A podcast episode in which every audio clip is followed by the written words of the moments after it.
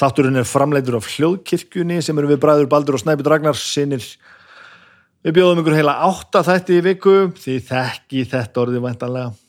Dómstafur á mánundugum, kokkaflakka á þriðudugum, drauga fortíðar á miðugudugum, besta platan og nei hættu nú alveg á förstudugum, listamenn á lögadugum, alveg dagsatt á sundugum en á fymtudugum þá er þessi þáttur hér. Ég heiti Snæbjörn og ég tala þá gerðan við fólk og þetta er þátturinn Snæbjörn talar við fólk.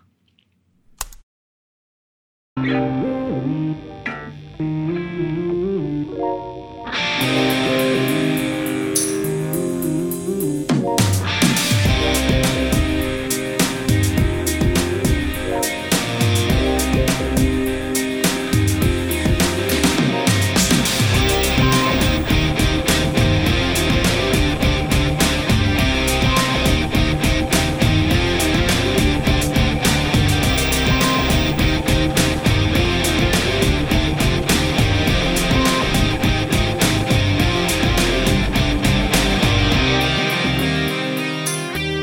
í sæl og blessuð, velkomin í þáttin minn Snæbjörn talar við fólk. Alls konar, alls konar í þessari viku sko. Eh, ég var eitt heima, eh, eitt heima. Agnes var að heiman um, um, um helgina. Ég var að passa fyrir Agnes. djók, djók. Ég að þrjú heima, ég og krakkarnir. Eh, ef þið hafið hlusta á þáttin minn eitthvað þá vitið það nú að ég er nú ég miklaði hann stundum fyrir mér að vera með, vera með börnum mín. Um, þetta var bara heljar en áttak sko. Hún fór á, á förstu degi og ég var bara með þau hérna fram á sundarskvöld og ég fór inn í þetta af, af, af fullum þunga staðráðin í að gera hlutina afar vel og það tókst. Ég er, ég er afskaplega gladur með sjálf á mig hvernig ég gerði þetta allt saman. Það verði ég að segja og ég fór mér að segja með því sund. Það vext mér nú í augum að fara einn í sund. Talningum að fara með þryggja og fimm ára börn og það var náttúrulega algjörð brjálaði ég var ekki alveg vissum það á tíma við kemum öll lifandi heim en við gerðum hann og samt. Og þau voru æla glöð og sopnuðu, sopnuðu fyrir viki miklu, miklu betur. Og ég gaf þeim alveg hellingaborða og eldaði hér fullt og eldaði með þeim og spilaði. Og strákur fór í gistingu til ömmu sinnar og kom svo aftur bara hérna morgunin eftir. Og þetta var allt blúsandi við höfum öll gott að þessu. Uh, Agnes að sjálfsögðu gott að komast aðeins í burtu. En og, og, og við náttúrulega höfum gott að vera ánina sko en ég held ekki að enginn haft jafn gott að þessu ég bara. Að bara að aðeins að horfast í augu við djöflana og, og að drullast til þess að sjá um börnum mín. Það hljómar of dramatist ég veit að sé um börnum mín. En ég ger þetta betur heldur en ég held ég geti gert og þetta segir að ég segir að þetta gríðalögum hviðan út um hann, þetta var ógeðslega gott. Ekki djöfull var þetta gott. Hvaða helviti smellir er þetta nú kom aftur svona smellur eins og var hérna í, um daginn, heyrðu þetta? Ég er náttúrulega með snúrunar hérna út um allt eftir að kæfti nýju tölvuna, eftir út um alla stofu hérna og ég á eftir að eftir að, eftir að, hérna, að græja þetta. Ég eftir að fá hérna smá stykki og svo þegar ég setja tölvuna hérna nær mér og þá ligg ekki snúrur út um öll golf hérna með ég er að taka viðtölu fólk ég er að horfa hérna á alls konar tengi sem geta mögulega að fokka þessu upp og brakar og, brak, já, brak og brestir í öllu. Ja, þetta nú ekki nema eitt smellur og við skulum vona að það haldi áfram. Vona að það haldi áfram. Ég er hérna að spjalla bara rétt eftir hún Silja fór. Ég er að tegja mig hérna í kaffibrúsan ég held upp á, upp á eh, Donan NM átti hérna póka óvænt. Og það kaffi er alls ekki búið þannig að bróðum ég mætti hérna í morgun og þurfti að ná í eitthvað dót. Hann vildi fá kaffi og það var alls ekki komið að því að hella upp á fyrir viðtalið þannig að ég held upp á kaffi fyrir hann og fyrst ég var búin að hella upp á heila könnu uh, og hann var búin að fá af henni og ég fekk mig með honum, þá var ég búin að ákveða það að það var ekki nóg að hella upp á að, að restin af, af mokkakörnunni var ekki nóg fyrir mig og Silju ef að viðtalið er mögulega mögulega mjög kaffithurfi þannig ég held upp á aðra, aðra konu. Þá fatt að ég var alltaf búin að hella upp á einn og halvan lítra af, af rótstekku kaffi og það er mjög mikið í brúsanum en þá ég get alveg sagt ykkur það, þannig ég verð sötrandi hér Donan NM fram eftir, eftir degi sem er mjög gott. Og ég er svona aðeins að endur, endur heimsækja Donan NM ég er búin að vera að drekka alls konar annars annadótt þeir munið að þið geti farið inn á vefverslununa hjá Reykjavík Rósters og kefti ykkur náttúrulega alls konar skemmtilegt. En eða þið köpi kaffi í pókum og sláðin afslutakóðan ST STVF STVF, Snæbjörn talar við fólk þá fáið 10% afslátt af því. Allt heimsend, sandbæsað og stór glæsilegt ég var að hlusta á síðasta þátt og ég hef verið að tala um hvernig ég helli upp á. Ég hef verið hérna, eh, veit ekki bara svona výraður eftir viðtal og ekki búin að borða það eitthvað, ég, ég held ég hef alls ekki náðu að gera mig skiljarlega hvernig ég helli upp á þetta kaffi. Þannig að hlustiði nú Torfi á Reykjavík Rósters kendi mig það að nota sko hér eru nokkuð trygg. Við erum að tala um mokkakönnu sem er 750 millilitrar um, Trykkið við að hella upp á í mokkakonu og þetta kenda mér og þetta hafði ekki hugmyndum það er að hita vatni í hraðsuðukalli en ekki láta það hitna á eldavillinni ef að kannan hitnar á eldavillinni og kaffið er oniðinni í trektinni þá ríkur svo mikið af, af góða stöfinu upp úr kaffi kaffinu sjálfu áður en að það hellist upp á.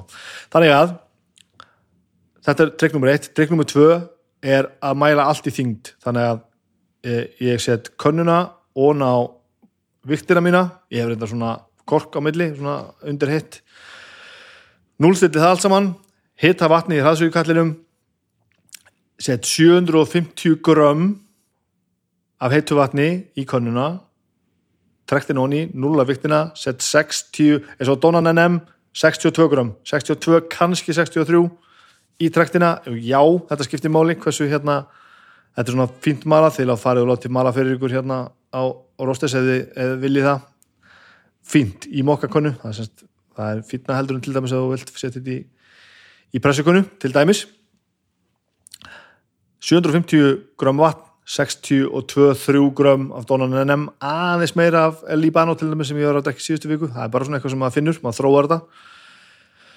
Og svo bara skrúaru eh, toppin hún á könnuna, efri partin á könnuna passa að nota eh, pottalepp eða viskastekki eitthvað þegar þú verðast að grípa um neðri partin á könnunni því að hún er náttúrulega 100 gráða hitt sem er ekki mjög gott að grípa um. Og svo er bara að skella þessu beint á eldavelina og þá gerist þetta ofbóðslega hratt vegna þess að vatnið er 100 gráða hitt þannig að þetta þá liggur kaffi sjálft mjög stutt í hittanum þannig að hér hafið það sem ég var að reyna að koma fram með í síðustu viku og gekk mjög illa.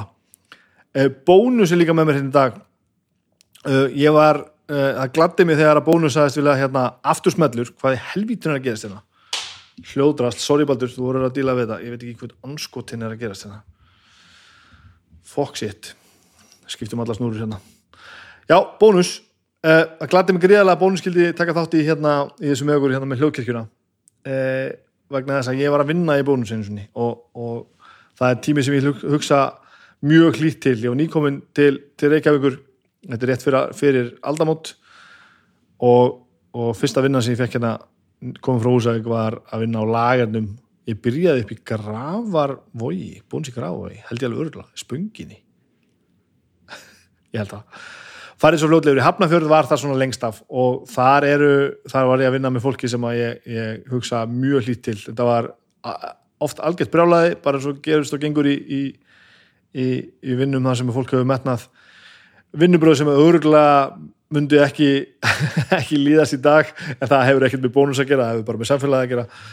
Uh, þetta var frábært tími, frábært skóli og, og mér líður einhvern veginn alltaf ágjörlega og vel þegar ég fer inn í, í bónusvæslanir og ég fyrir alltaf svona automatist að hugsa hvort að hérna, það þurfu ekki eitthvað að færa til í hillunum og svona. Ég held að maður losni aldrei við það, ef maður hefur unni í matfyrirvæslun þá held ég að maður lappi aldrei inn í, í, í neina maturveslun aðeins að hugsa um það hvort það þurfa að fronta hildunar, feysa hildunar eh, og hvort að grænmyndi sé svona allavega þetta á góðu tími. Eh, og og það vil svo til að að bónusinu mitt nálat mér hérna út, í, út á Granda og þá fer ég reglulega. Það takk fyrir það bónus fyrir að taka þátt í þessu með okkur hérna. Eh, þar fáiði, mitt í bónus fáiði nýju savana frá Soma sem að ég talaði um síðustu viku og ég er búin að drekka hérna uh, býstna stíft. Ég er bara komast að að grænisafinn er bestur. Það er þannig, af mörgum góðum þá er það þannig að hann er hann er bestur. Um, ég byrði ykkur sjálfum að myndi ykkur skoðanir á þessu en, en þeir eru þarna já, þetta er frábært dót uh, alls konar uh, fersk, ferski græmitis og ávastasafar fimm tegundir og mikil umhverfisvitund saman við endurinn í plast og allt þetta, ég ætla ekki að fara í smáðatriðin en þetta er svona þetta sem að nútíminu sem betur fyrir að færa sig nær og nær. Maður er að, maður er að kaupa gott stöf sem að tekur miðað í hvernig heimurinn er og hvað þarf að uh, vera í lagi. Og það er bara eiginlega meistaralegt. Uh, þetta, er, þetta er já þetta, þetta er bara, þetta er gott, farið að kaupið þetta. Ég get lofað ykkur þið eru allir góðir. Kaupið hann, hann græna, hann er bestur. Uh, ég var eitt heima um, um, um helgina með krakkara eins og ég sagði. Ég hérna horfið nú á hummusinn og, og pestóðu þetta frá Somo sem ég, þegar ég fór að vestlaði matur, ég fór að vestlaði svona, ég viðkynni það, ég tók aðeins sjórkottaði mat, sko, ég vestlaði alveg hérna, þetta var alveg þetta voru alveg hérna pilsur og hambúrgara, sko. Og tilbúin grónagrautur og svona. Og svo fór ég í skápinu og ætlaði með þetta vesta svona fyrir mig kannski eitthvað svona sem ég geti þegar ég var aðframkomin hérna og, og, og þurfti snögt bensin á tankin þetta ég tala um, hefur verið að tala með hérna jalapeni og hummusinn og pesto og þetta sem er svo gott að drulla bara honu bröðið eða keksið eitthvað og, og hérna og gluði í sig. Ég kefti bara old school hangikjöldsalat bara eins og ég er á upp á samlangunum mínu frá Soma og ég ég, hérna, það eru sömu lögumál og, og ég hef oft sagt með pestóið og, og, hérna, og humusinn, það er bara nota nóg. Ég held ég hafi sett þetta á fjóra bröstniðar og borðaðar alla sjálfur og það var frábært. Þannig að Sómi er búin að koma hérna sterkurinn síðast, síðustu vikur og mánuði og takk fyrir glæsileg samstarf. Þetta gleður mig allt óskaplega vel. Mikið gott. Mikið er gott hvað gerir ég nú meira? ég hérna Já, ég heiti Snæbjörn og ég er með hlaðvarp. Uh, það endaði með því að ég fór og var með fyrirlestur í Háskóla Íslands. Var beður um að koma að halda fyrirlestur, uh, býtur um ég að fletta því upp hvað fólk var að gera þarna. Það er alltaf eitthvað fyndi við það að fara, fara, býtur um við. Ég var beður um, já, var að halda fyrirlestur á námskeiði sem heitir miðlun í hlaðvarpi og hljóðvarpi og er kent í hagnítri menningamilun í Háskóla Íslands. Þetta fór ég og held fyrirlestur. Það er alltaf eitthvað að fyndi við að fara að halda fyrirlestur fyrir fólk í, sem er í, í háskólanámi, meist, meistaranámi og ég er, ég er ekki með nokkra einastu gráðu sjálfur, ekki eins og stúdentspróf. En þarna kemur heim, heim og saman hvað heimurinn er að vera fallegur og umbyrðalendur að reynsla versus, uh, versus nám og allt þar á milli þetta nýtist okkur allstaðar allt. Og ég fann að það kom hann inn, þetta var ógeðslega gaman að ég, það endar með því að ég sest á skólabekk því að ég mentunur eitthvað sem er langar bara að verða mér út um. Ekki að ég þurfi sérstaklega á því að halda akkurat þessu staðan er núna og sennilega ekkert um ókona framtíð en mér langar til þess að gera það. Bæði til að hafa gert það og svo bara er ég bara komin einhver stemning í mig bara að, að, að rífressa sjálfa mig þetta kemur um fram inn í viðtalinu eftir við hennar Silju, Silju Haugs hvernig hún sá það bara svona sem, sem bara bara einhverja nöðsinn að fara bara og rífressa á sér hausin með því að fara bara út og læra bara eitthvað, það kannski umhverfið ekki síður heldur en, en hérna, en námið sjálf sko. Afagott, frábær fyrirlestur og ég held hreinlega að það komi til með að hafa hafa áhrif á hljóðkirkjuna. Ég held að það verði eitthvað til um einhverju samtalið þarna sem að við og Baldur erum búin að halda einhverju fundi í vikunni og við getum bara verið að bæta enn við, við, við hljóðkirkjuna sem betur fyrr. Þetta er gaman. Allir vilja vera með. Þannig er það. Það er fullt að gera maður. Ég ætla nú kannski að halda þessu aðeins nýrið þessu bladrið. Sko. Hérna eh, í vikunni var, var það kungjört að saga skálmaldar bókin um sögu skálmaldar er að koma út. Þetta er bók sem að viðtalsbók sem að maður að nafni Joel McIver uh, á vegum vanda að. Sá maður er uh, er alltaf mikil menni og bara stór uh, stór mógull í þessum þessum rock rittverka heimi. Búin að skrifa mikið af af official bókum hjá stærstu rock og þungarásböndum í heiminum. Ég mitt, þegar hann var hérna held ég síðast skipti, hann kom til Íslands allavega tvísvar held ég að taka viðtöluð okkur. En kom bara eins og ný, maður ekki. Ég var alltaf að skutla um að flugvillin og ég spurði hvað var í næst hjá hann og svona, hann kom með þetta í bökinu og svona. Þá var hann að fara að undirbúa að gera æfisögu Bill Ward og Black Sabbath og þá fikk ég bara svona hvað, akkur þú að gera, gera hérna, bók með, með hljóðstin í skálmönd frá Íslandi? En þetta var sem stannir til, ég átti nú bækur eftir hann. Ég átti til og með sérna uh, hann, hann gerði mjög fræga skrifaði mjög fræga bók um, um Cliff Burton sem ég átti. Og svo að Böbbi Skálmöld gefið mér hérna Motorhead bók sem, að, sem hann skrifaði einhvern tíðan allt eftir Joel, ég hef búin að lesa fullt af þessum bókum. Um, um, það, það kom þannig til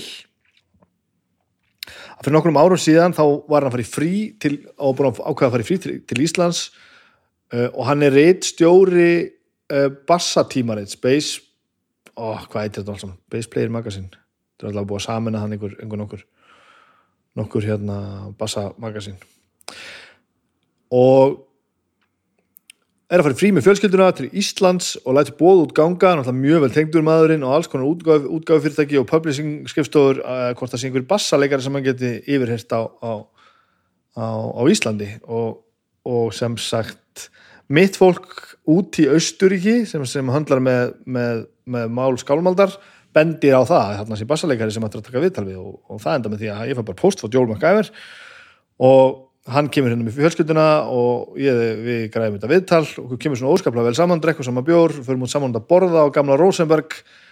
Og Arnar er gert mitt þarna líka með okkur sem, sem rock-skrýbent Íslands þeir tengja óbúslega vel. Og við bara ég fer eitthvað að tala um þetta með skrifina og þetta og, og, og hérna ég svo man ég náttúrulega aldrei neitt eða hvernig hlutinni gerast en hvort að við sko hann allavega, allavega nefnir þessa hugmynd sko og hann finnst þetta bara áhugavert og, og að gera mögulega sögu þessar þessa merkjulegu hljómsildar sem skálmöldir sem er alltaf svolítið rétt sko, þetta er alltaf áhuga að vera ferill.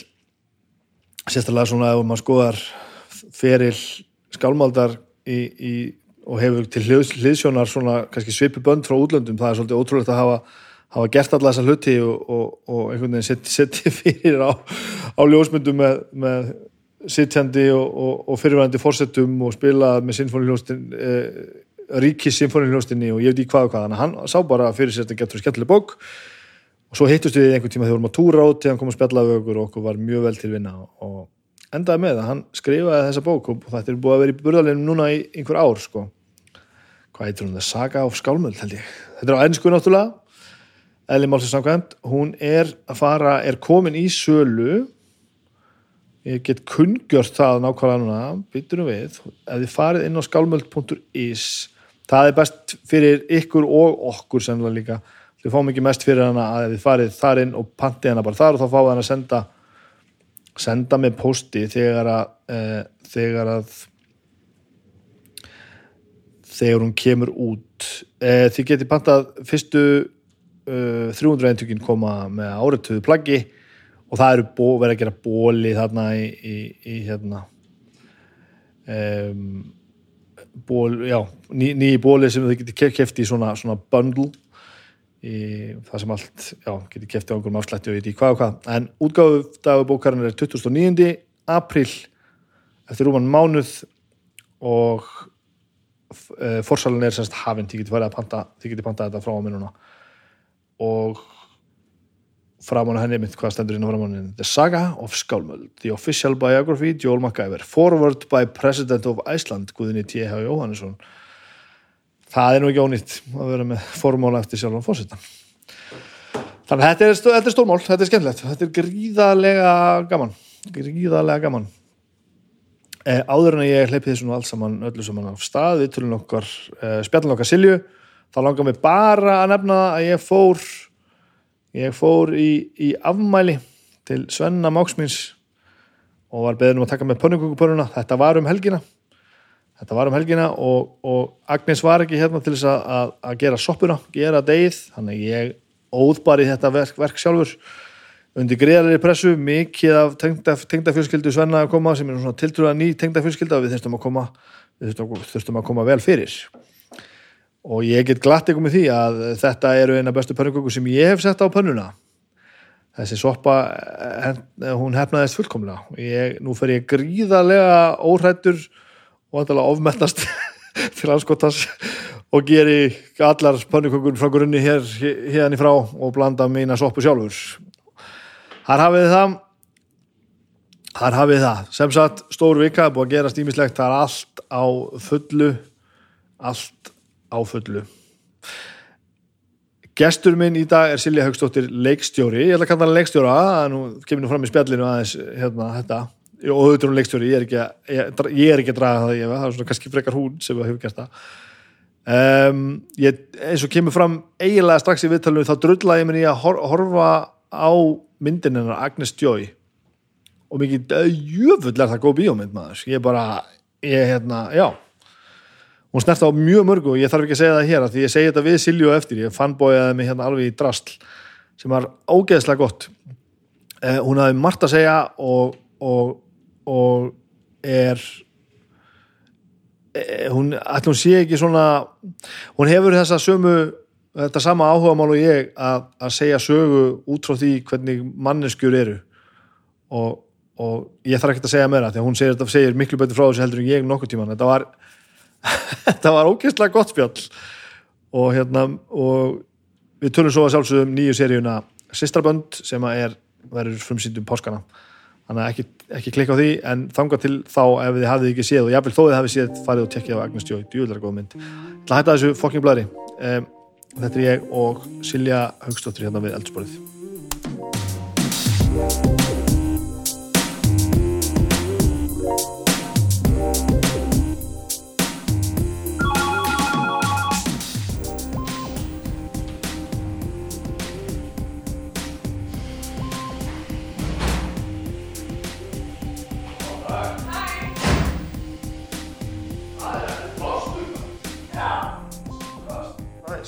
ég er með sem bara að kveikja sko, ég er bara að byrja þessu Ok. Svo, þú getur tóða þetta til eins og vilt bara Já. og bara eiginlega því nær því Svona. betra og bara já, Þú- snú, snúðu og tóðaðu og bara Já, já, já. gera sem þú sýnist Er þetta Li- lyftu fastlegt? vatn. Já, bara þetta er bara allt er gott Æðislegt. Kaffi, vatn Ef þið finnst kaffi mjög stert þá er heitt vatn til þess að ha- gera það minna stert Indislegt. Hérna er eitt sem við langar að byrja að tala um Ég Já. drullaði mér lóksins að horfa á Agnes Joy Já. Frábært. Já, hérna Er hún skemmtileg. Er hún skemmtileg? Ég, ég, hérna, eh, ég veit ekki að hverju, hvort ég bjóst við einhverju öðru eða eitthvað. Já. en hérna ég er alveg gjössamlega festist í þessu sko. Mm -hmm. ég, ég, maður er loksins farin að sjá íslenska bíómyndir þar sem maður er farin að upplifa þetta bara að ég er þessi. Já, já, já. þetta fjallar um sko fólki og hvernig því líður en ekki hvað það er að gera Akkurat. Ertu með mér er ég bara að segja eitthvað Nei, mér finnst það bara ógeðslega gaman að heyra.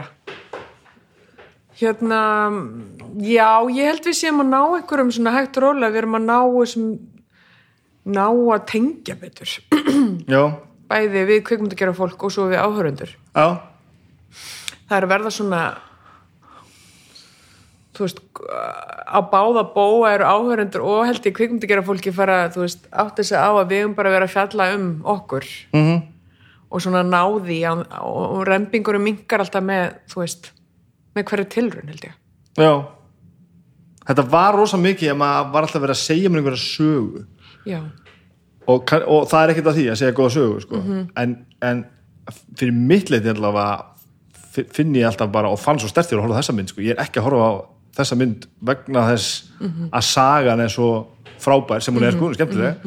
Heldur bara ég horfði bara og þetta hann í myndinni og bara personur og bara djúvel veit ég hvað, hvað er að gerast já, já, já ég hef alveg verið þessi og þú veist og ég er pínu þessi núna sko. Það var svona, þetta er bara svona sterkasta dæmi úr íslenski bíómið sem ég man það sem ég bara ah, alltaf þetta já, í mitt og sennilega er það, þú veist, ég menna sennilega er þetta bara alveg on point hér þú veist, við, það er sannlega það var ekki eitthvað beint plotti sem að sem að gætt kert okkur áfram þegar við vorum að gera hana, sko.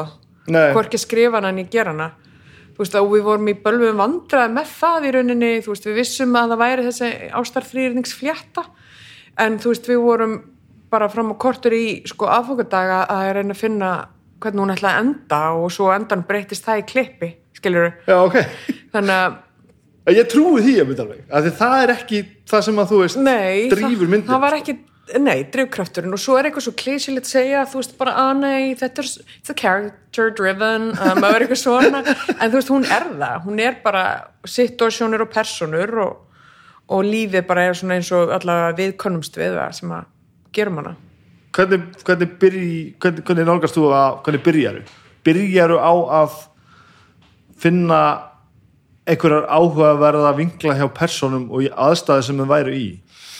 Sko þessi nú kannski, ég get ímyndað mér að sköpunarferðlega þessari hafi verið kannski pínu sérstakt af því að uh, hún tók uh, það tók langan tíma og tók, uh, fekk að liggja þessa milli. Handritið? Já, já, og við, sko, þetta byrjaði sem uh, við, ég og Gagga tókum hérna, uh, sem, er ein þryggja handritahöfunda ég, Gagga og Jóhanna Freyrika uh, skrifum þetta saman.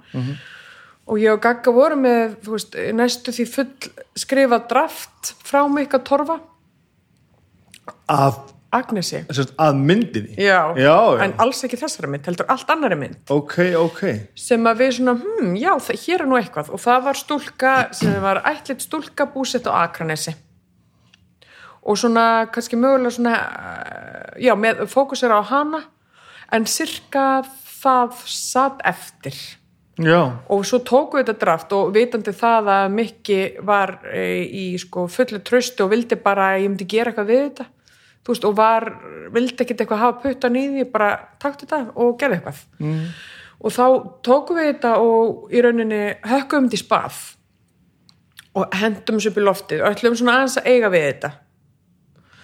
Og en svo bara breyttu við alveg hægt og rólega mjög miklu. Bæði við breyttumst mjög mikið og, og hérna, tíminn leið og, og hægt og rólega þróskuðumst við með og, og hérna, þetta voru alveg nokkur ár og við egnuðumst sitt hvort badnið og, og bara unnum við alls konar vinnur og lendum í alls konar og hérna e, þá þroskaðist þessi saga með. Og frá í rauninni fættist Rannveig sem að var svo síðar aðal karakterin, við vildum gera svona meðgnasögu en Rannveig tók yfir. Þú sérst, já, Kall- ég, að því ég ætlaði að spyrja það aðeins, sko, því myndin heitir þetta það var bara ég sem að upplifa að, að hún er ekki að, að, að Agnes er ekki aðal, aðalhjóttöki Akkurat, ég held þetta alveg hún bara eh, Rannveig er aðal Já. þótt það séu nú sannlega hérna en þú veist þetta er og við pældum í því lengi að það væri nú sennilega réttast af því að þá aðal karakterin má ekki heita eða þú veist eitthvað svona að breyta titlunum væri réttast og veltum því einhvern veginn rosa mikið upp en svo föttum við bara þú veist samband þeirra reflektera rosalega mikið á hver, hvernig hvorum sig er Já. á þessum tíumpunkti þú veist, ég menn það er alveg bara e, mamman þarf að fara setja fókus á sjálf sig til að geta verið almennileg mamma fyrir hana, skiluru mm -hmm. og í rauninni þú veist, sleppa einhverjum ákveðnum tökum og um, af dóttur sinni og af þessu sambandi og ekki síðan, nummer 1, 2, 3 og ákveðinu stjórnsemi til þess að fungera sjálf og hérna vera svona self-sufficient. Og í rauninni gildir það sama um um dótturina. Þú veist þær þurfa að fara á næsta svona stig í sínu þroskaferli hvorum sig til að eiga góðan sjans á einhverju næst sambandi.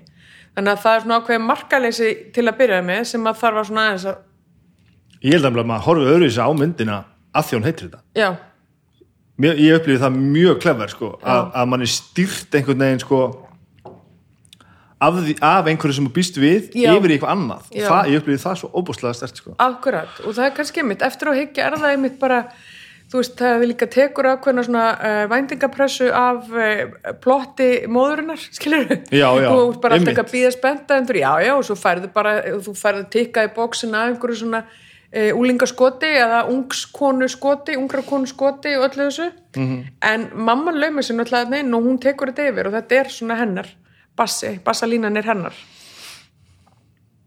líka svona sem ég upplifði sem að það er svo tær svona minni í myndinu það er, svona, það er tvö atri ég vil nú kannski, á ég að spóla mikið. Þetta er ekki stóri spólurar varuð að þú veist litlu mómentin eins og þegar að, hérna, hún skellir að mömmu sinna og ringi bent í dóttu sína. Maður stættir þessu?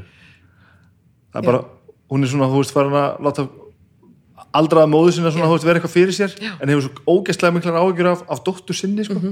Og, og þegar að hérna þegar hún sko hafnar í sama hún er að krefja dóttur sína um, sko. Og það gerist á sko tveimur sekundum. Þá fikk ég bara svona, Já. Nákvæmlega, ég s- þetta er sko, þú veist, hún er först í meðverknisneti kynnslóðana, þú veist, og hún er uh, að beita dóttur sína það sem hún þjáist af sjálf í sínum samskiptum, þú veist, um mömmu, og ég held að það sé nú bara svona því miður ákveðin grundvöldlega regla hjá okkur að við færum það áfram sem að við erum að baklast við sko. sem eru vondufrétna fyrir alla fóraldra heimsins uh, þannig að þú veist og það er einhvern veginn uppgötunin að til þess að vera held ég þá almennilega mamma ef það, þú hefur áhugað því fyrir hana þá þarf hún að setja fókusun á seg sko. já, já, já, já, laga sig fyrst já, já. Er þetta ekki þannig, er þetta ekki súrum með skrifun á þig? Jú, potið, sko, ég er ennþá að melda þessa mynd, það er ekki, eins og ég segi, ég sá hana bara fyrir nokkur dögum, bara ég þetta. já, og einmitt. Það var hansi, það, það komið bara, ég segi ekki þetta óvart, það, það, það komið eiginlega óvart hvernig hún var, sko. já, hún er smá lauma. Já, það er gott orðið verið hana, það er eitthvað svona, það er eitthvað, eitthvað ótrúlega auðvelt og erfitt í senn að horfa á hana, sko. já, Ég Það er óþólandi. það er glata hvað maður er glataður Þetta er svo nákvæmlega tilfyrki sem hún fekk, bara, æ, kom on, svona er maður. en sko maður er samt dúlla skilur, maður er að reyna sitt besta er það ekki? Jú. finnst þér hún verið sem, ég, því ég, þú veist, ég vil það er, það er ágætt að horfast í augu hvað við erum glötuð en ég vil ekki að myndin svona síðin þér það og, og, og, og svo bara bye bye þú veist.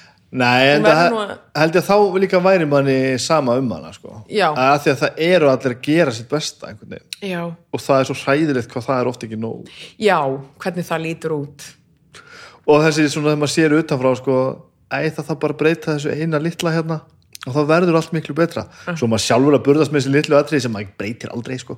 Og maður er sko. já. Bara, og svo horfum maður eitthvað svona og bara feysa þetta, aumingin, feysa þetta bara. Já, og ég held samt sko það er svo, að meðan maður er að skamma sér svona, þá er svo erfitt að horfast í.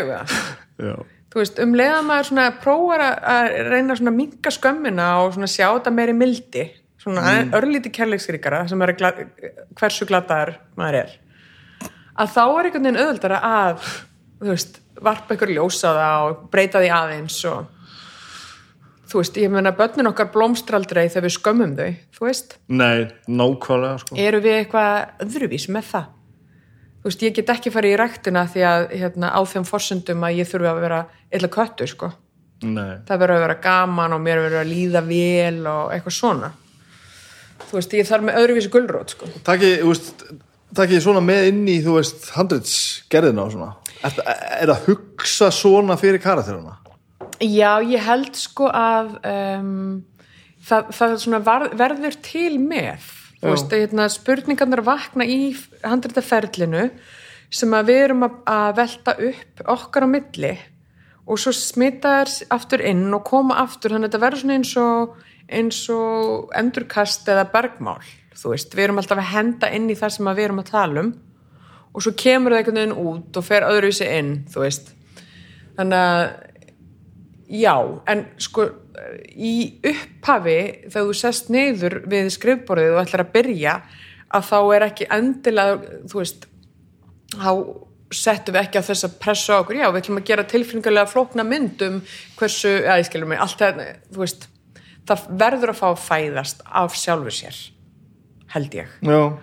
og verður að fá að fæðast út í gegnum persónurnar. Þannig að, hérna, þú veist, þú verður að gefa persónum aðstæður þar sem að þær geta sínt fram á þetta. Sýnt fram á, sínt fram á e, þú veist, þessi element þessi breysku element sem þið langar til að þau hafi. Já, já, skilur þú verður að búa einhvern veginn aðstæðna til til að þau geti geti fengið að sína það. Frekar en þú þú veist e, það er bara svona, frekar en að leggja það einhvern veginn utan á karakterinn. Já, ég skil ekki, já, já, já, já, þannig að þú veist, það er svona að í raunin að búa til aðstæður sem að kalla, sem að gefa þeim sjens á að, þú veist, það er ekkit eins gott að, að þú veist, þú sýnir að setja því tilfinningulega flóknar aðstæður til að sína svona á hvað stað þau eru, eru einhvern veginn besta leiðin. Frekar en bara sæl, sæl, baldur, ég er tilfinningaflókin maður með e, e, þunga bakka fortíðar og aukslónum, æskilur þetta er svona útvarsleikur stílin að lesa, Já. að lýsa aðstæðum svona að lýsa tilfinningum. Ég er uh, djúpvitur og uh, ráðgóður. En þú veist þá er annars sem ég var að, var að, var að, var velta fyrir mig til dæmis eins og í sam- sambandi við þessa mynd og er rauninni alla myndir sko. Af hverju verða sumar myndir góðar og aðrar vondar? Af því að þú veist, þú sem, sem sko leikstjóri að leikstjóri eigin handriði ertu alltaf handrið sem þetta verið gott? Nei, alls ekki. Og ég held maður geta aldrei vita er þetta ekki hræðilegt? það er, uh, það kannski verður skarra, þetta var svolítið hræðilegt fyrir mig. Já, en ég finnst það auðveldara með tímanum. Og núna er ég bara svona að hugsa uh, þú veist, núna er meira bara leiðin að vera í góðri trú er mikilvægt en ég er uh, því miður það mikil stengið eða eitthvað að ég get ekki verið í almennilega góðri trú nema ég hafa svona ákveðna fórsendur og þá er það að hafa þær fórsendur sem að gera mér kleiftum að vera í góðri trú í gegnum ferli um þetta verður nú sennilega allt í lagi. Og þegar það er ekki allt í lagi þá getum við breytt Já, já. og fórsendurnar eru að umfyllurarefni sé eitthvað sem ég tengi við að ég þekki elementin þú veist, að ég, ég hafi einhvern veginn vit á einhverju þarna, skilur mig? Svo það sé ekki bara betur einhver annar gerir þetta verk veist, að ég vita að það bara það er alveg mikilvægt að ég sé þarna fyrir þetta verk. Þú veist, ég hef hérna eitthvað eitthvað til málan að leggja en ekki endilega að ég hafi mest að vita því. En að maður svona kannist við og getur svona einhvern veginn leitt leitta áfram þá og svona bara náttúrulega, þú veist, ekkert er hægt nema með góðu fólki. Og þannig að það er hitt líkil eh, innhaldsefnið. Og þú veist þannig að og þá er bara, þá er bara við lifa í ákveðnu trösti bara En- um þetta reddist eða þú veist, reddist, Já. að þetta fari rétt að leið. Að það fari leiðin sem það á að fara. Já, og sem að verði, og líka þetta bara með, þú veist uh, eins og núna þú veist maður horfir á, eins og núna, ég myndi horfa á Agnesi núna, sem að, þú veist, ég, mér finnst ekkit eitthvað endilega næsa að vera að horfa á eitthvað sem að ég er búið með eftir ég er búið með það. Ok. En ef ég myndi að horfa hana núna þá myndi ég, ég get alveg komið svo gert örgulega 40 að træða lista hluti sem að vera betra að breyta. Já, en það er samt sko en að samaskapi þá veit ég alveg að sem er mikilvægt að gera uh, ganga úr skuggum að meðan maður er að ganga í gegnum þetta. Að, þú veist, að vita að við erum öll að gera okkar besta með það sem við höfum þú veist, hvort sem það er tími, peningar, aðstæður uh, líðan uh, hvað sem er. Og ef maður er með þetta og svolítið svona bak við eirað þá er mikið öðuldar að vera í trösti og slökun, þú veist já, það er þessi 43 listi sem ég geti komið upp með. En vitandi það að allir voru að gera sitt besta í því mómenti uh þá er hann eiginlega óþarfi líka. Já. Ég sko, að því ég kemur tónlistinni sko. Já, um, Mér finnst oft erfiðar að hlusta plötunum mínar stuttu eftir að það kom út. Já, af því þá er ég sko ennþá að velt sko, þá er þetta svo ferst ferðlir ennþá, einhvern veginn ferst og ég er ennþá að velta fyrir mér hérna bara soundinu á þú Já. veist, sem er að ratta þetta hérna og þetta skiptir engu máli í stóra samíkjunu sko. Og þegar að snjóar yfir þetta og tími líður aðeins og ég hlusta svo á þetta setna og bara gleyma öllum þessum núansum þá gengum við betur að njóta sko. Er þetta eins og já, ég held það. eða? já, ég held það. Og, og þannig ertu alveg að lýsa ég ég tengi mjög vel við þú veist, það er bara það var langur og, veist, og það er örugglega pottit eins og í tónlistin, þú ert neittur til að hlusta og þetta alveg bara út, þanga til að þú, veist, þetta er sett í hvað, ég veit ekki mix, nei, Jú, já, bara þú veist hvernig sem er, einhverja loka Já, já, ég er rauninni bara þangar til að setja í framleiðslu þú veist hvað, hvað þetta er sko. Og þetta er alveg svipa ferli held ég og þú allir stætt við margt sem þú varst að gera held ég sko. Já, það er það. Og ég meina upp undir síðustu sekundu þá ertu að app, app, app, app, gera svona og, og svona þekkir þetta orðið allt og vel og ert að horfa í einhver smáatriði sem er sko svo ótrúleg sko Já. ekki óþörf, Nei. en fullkomlega ótrúleg sko. Já, en þannig ertu orðin bara líka sko uh, ótrúlega, ég líka bara þú ert farin að hérna vera ótrúlega mi- mikill servitringur í því sem þú átt að vita líka, sem Já, er já, frábært þetta er í rauninu mjög stóttúrulega fallegur staður að vera. Þú veist að þú sitt eitthvað eini maður í heiminn sem getur gert þetta fyrir þetta verð, Já. þannig að maður, mér, ég líka bara þú veist, ég vil alveg leifa mér að vera þess eins lengi og það er, í bóði Já. þú veist og einmitt, einhverja vikur og eftir þegar maður er búin að klára alveg, alveg, þú veist, þá, og maður slýsast til að þurfa að horfa á eitthvað, þá er ég bara "Argh!" þú veist, og þá er ég að horfa ennþá á, þú veist, blómapott þarna já, eða, þessi, þetta er mitt já. Og alltaf pínulegilegt með þarna, þessa ruslatunum sem var í mynd að við náðum ekki mask út eða, eða bara svona uh, þú veist, það er nú veist, ég er búin að taka alla nóansa held ég, í, ég er búin að velta öllum steinum við varandi leik skilur það, því að það er maður náttúrulega að gera í klippi svo mikið, þú veist, Já, þannig já. að og maður er búin að gera allt, allt, allt það sem hægt er að gera til að hérna, uh, skila því sem best en það er sumt svona sem að, sem að dúlast til að til að hérna, láta fyrir töðnar á sér og svo einmitt fennir yfir þetta já, þú upplifir þess að það sama að Já. það bara svona, já, það kemur ykkur svona fylltir yfir þetta sko. já, en ég er sama samt sko, ég er líka, svo bara loka ég sem er pínu fyndi sko uh, þú veist, ég var að fatta núna eins og kannski er þetta ósmekklegt að stela þessu, ég ætla bara að gera það samt ég er að horfa á, þú veist, ég var leikstýralegriti í, sem heitir Kópáskronikan -hmm. og ég upplýða sama og ég gerir þú veist, núna, því að núna er hún í sýningu og hún er orðin svolítið tilbúin þú veist, hún er bara búin að fá að, að þurftum að æfa hann upp út á COVID og að gera alls konar, þú veist, þannig að hún fekk tækifæri til að svona fæðast eiginlega tvisvar og þrisvar þú veist, og pússast svolítið vel sem var frábært fyrir hana, þetta er nýtt íslenskt verk og, og hérna eftir nýjan höfund og ég er leikstir í leikus í fyrsta skipti og, og þú veist, þannig að í rauninni var það held ég ansi gott fyrir sýninguna að fá þessa, svona, þessi tilhlaup en svo er ég að horfa á hana núna ég fór í sýningum helgina bara, og var með svona nokkra nótur en þú veist þau eru bara hún er bara algjörlega á sínu flugi þessi sýning og þarf ekkert mér á, á mikið á mér að halda lengur. Og ég fatt að ég var svona aðeins búin að loka tilfinningarlega og þetta er einst með svona með að horfa á, ef ég myndi sjá Agnesi núna þá myndi ég að horfa á hana en ég væri geispandi allan tíman þetta hreyfir ekki við Nei, mér ok.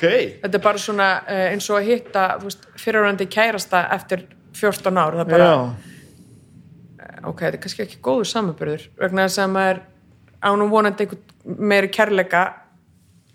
Að ég veit það ekki. Allavega, þú veist uh,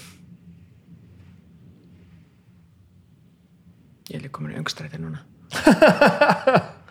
Jú, það er samt sko, maður hittir einhvern svona gamlan séns eða horfir á, horfir á verk sem að maður er algjörlega búið með og hefur fengið að liggja að það er, það reyfir ekki við manni eh, að, þú veist, þú, þú ferð ekki eitthvað og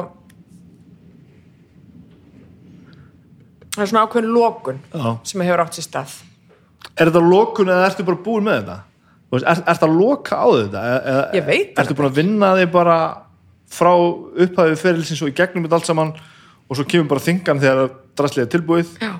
og þá einhvern veginn hættir þetta ég veit það ekki að því að maður klárar tilfinningaskala sko. já, já, Ég, ég, maður þetta núna af hverju fjandanum bróður minn var örugglega- já, ég var hlust á viðtal við bróður minn sem er mjög áhugavert. Ég, ég veit ekki af hverju að gera það.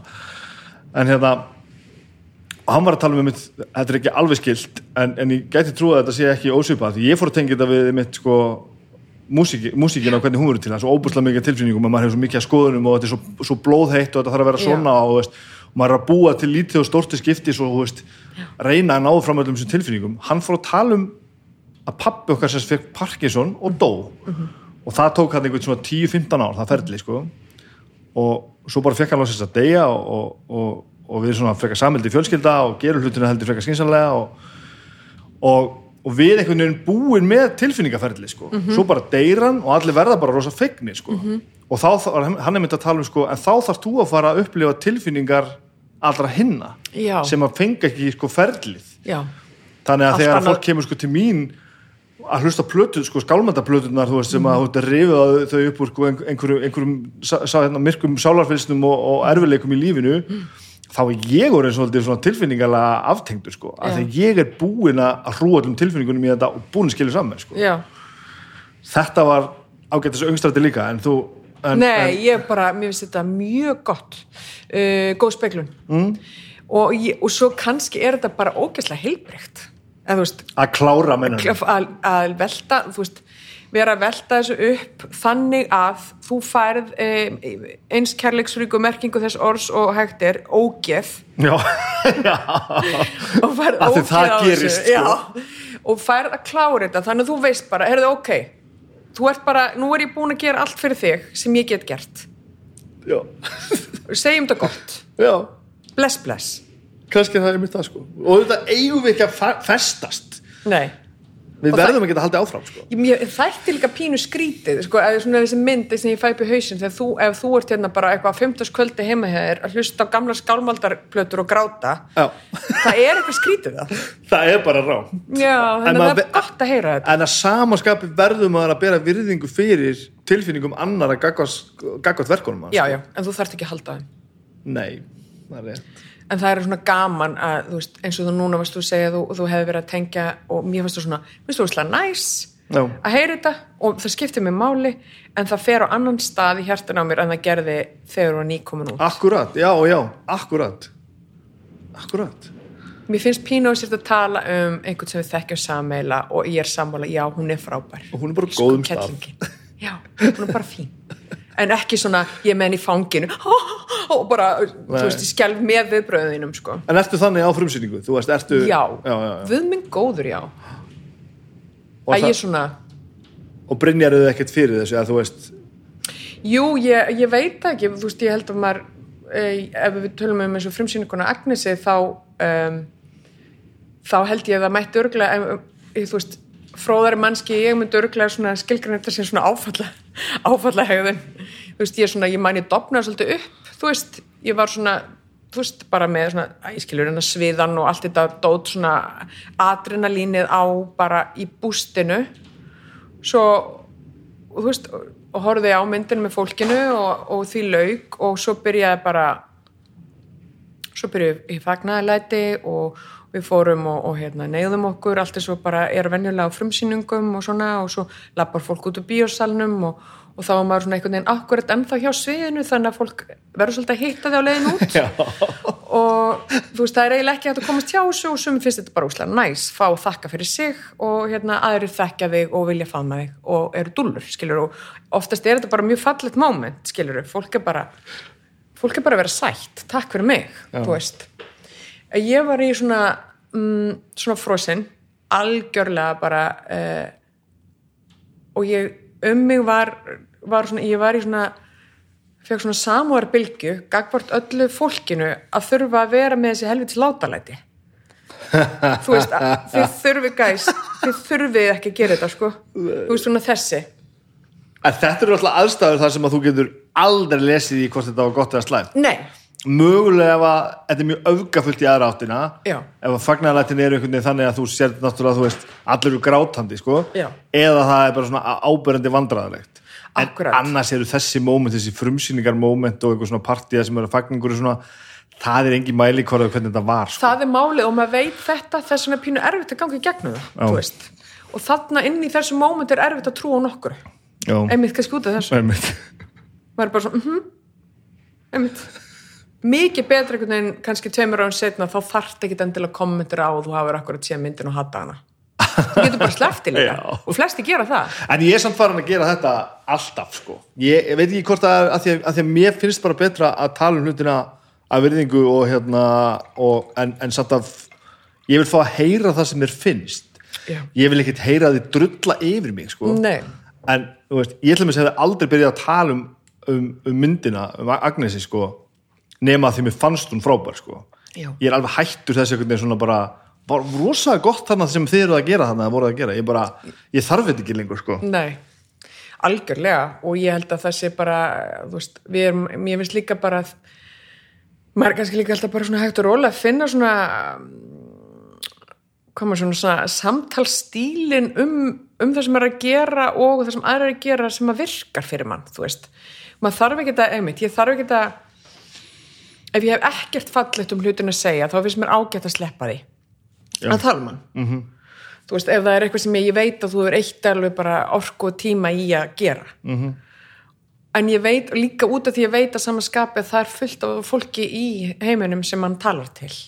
Já, þannig að þetta er einhvern veginn minna og ef ég þú veist, það, og líka bara svona við, það er næs að vera skilja millir fólksins og verkana þú veist e, það er líka smá leikill en, en þar komum við nú samt að því að fólk þarf líka að skilja það sjálft sko. ef þú kemur til mín og segir mér að þér finnst skálmönd leðileg hljómsveit þá er þetta ekki sjálfkrafa að segja að þér finnst ég ömulegur göður sko. nei. En ef ég, það fer samt eftir hvernig ég forma það hversu auðvilt það er fyrir þig að setja á réttan stað þú veist, ef ég segi bara svona ég fílaði plötuna ágætla mér finnst því alltaf verið að gera eitthvað svona flotta hluti. Eða þú veist, það var, það var eitthvað um eitthvað miðbygg sem ég hætti aðeins að tengja það getur líka verið ég, drrr, þú veist eitthvað svona, þetta er auðvildara heldur en bara eh, ég horfði á eitthvað tónleikum fílaði þetta ekki. Já, þú veist, þú hefur ekkert við þetta að gera. Bara svona, nei, jú, leiðilegt Þú veist, en þannig að þú líka fara bara að ákveða bara hvenær ætlar að opnaði munnin og bara hvenær ekki sko. Já.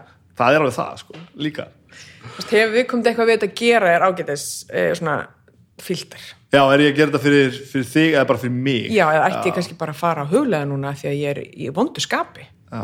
En það er alltaf ákveð hópur af fólki sem hefur, hefur þörf til þess að koma að segja manni að það sé lélegt það sem maður er að gera. Já, einmitt. En þá kannski vil ég með svona velta því upp að það sé eitthvað annað sem það fólk ætti að vera hefur þörf fyrir að gera en það. Þú veist, það- þetta, er svolítið krumpað mm -hmm. krumpuð þörf mm.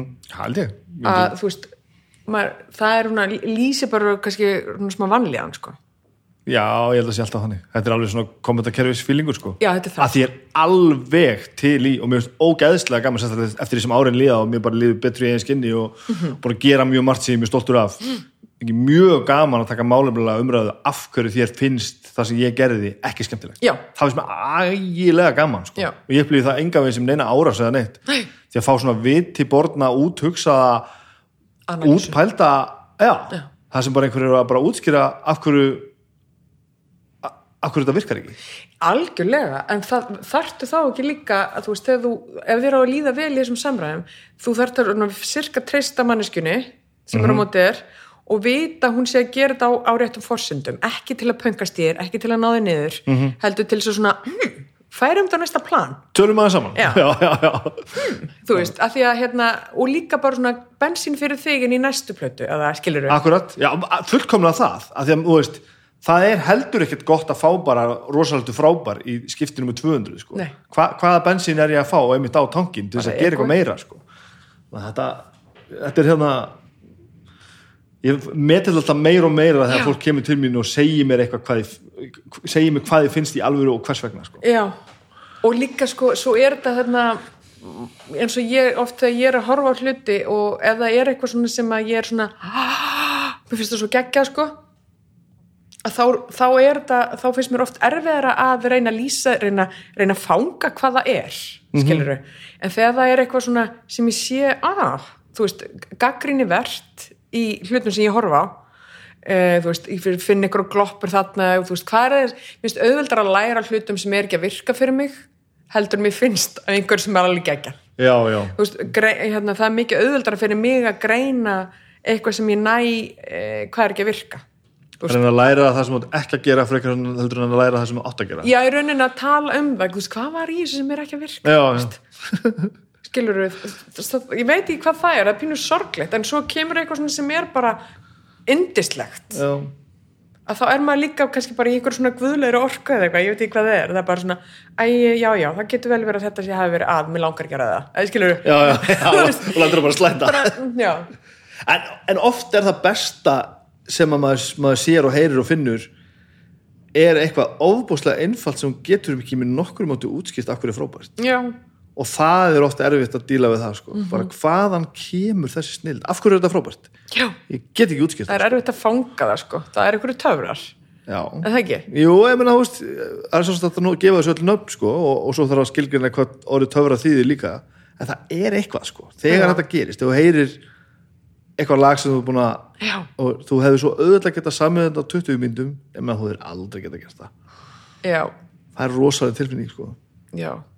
Svo er líka bara tónlistin alltaf svo geggjalist form sko, þetta er hérna þú veist það er svo beintengt í hjarta á mann einhvern veginn líka. Þú veist þannig að hérna örglega bara svona með skýrari hætti en mörg önnur form. Þú veist það tala líka svona fer svona inn í bara þú veist einhver svo mikið inn í minningarnar og lykt og skinjun og hvar maður er stattur hverju sinni og þú veist og bara strax tári í augun og hrollur og maður veit ekki út hverju og þú veist. Þetta er alveg rétt, sko. Er músík, hún er vinsæl, sko. Út af svollu þetta, þetta, þetta, breykaði, sko. hún er að virka sko.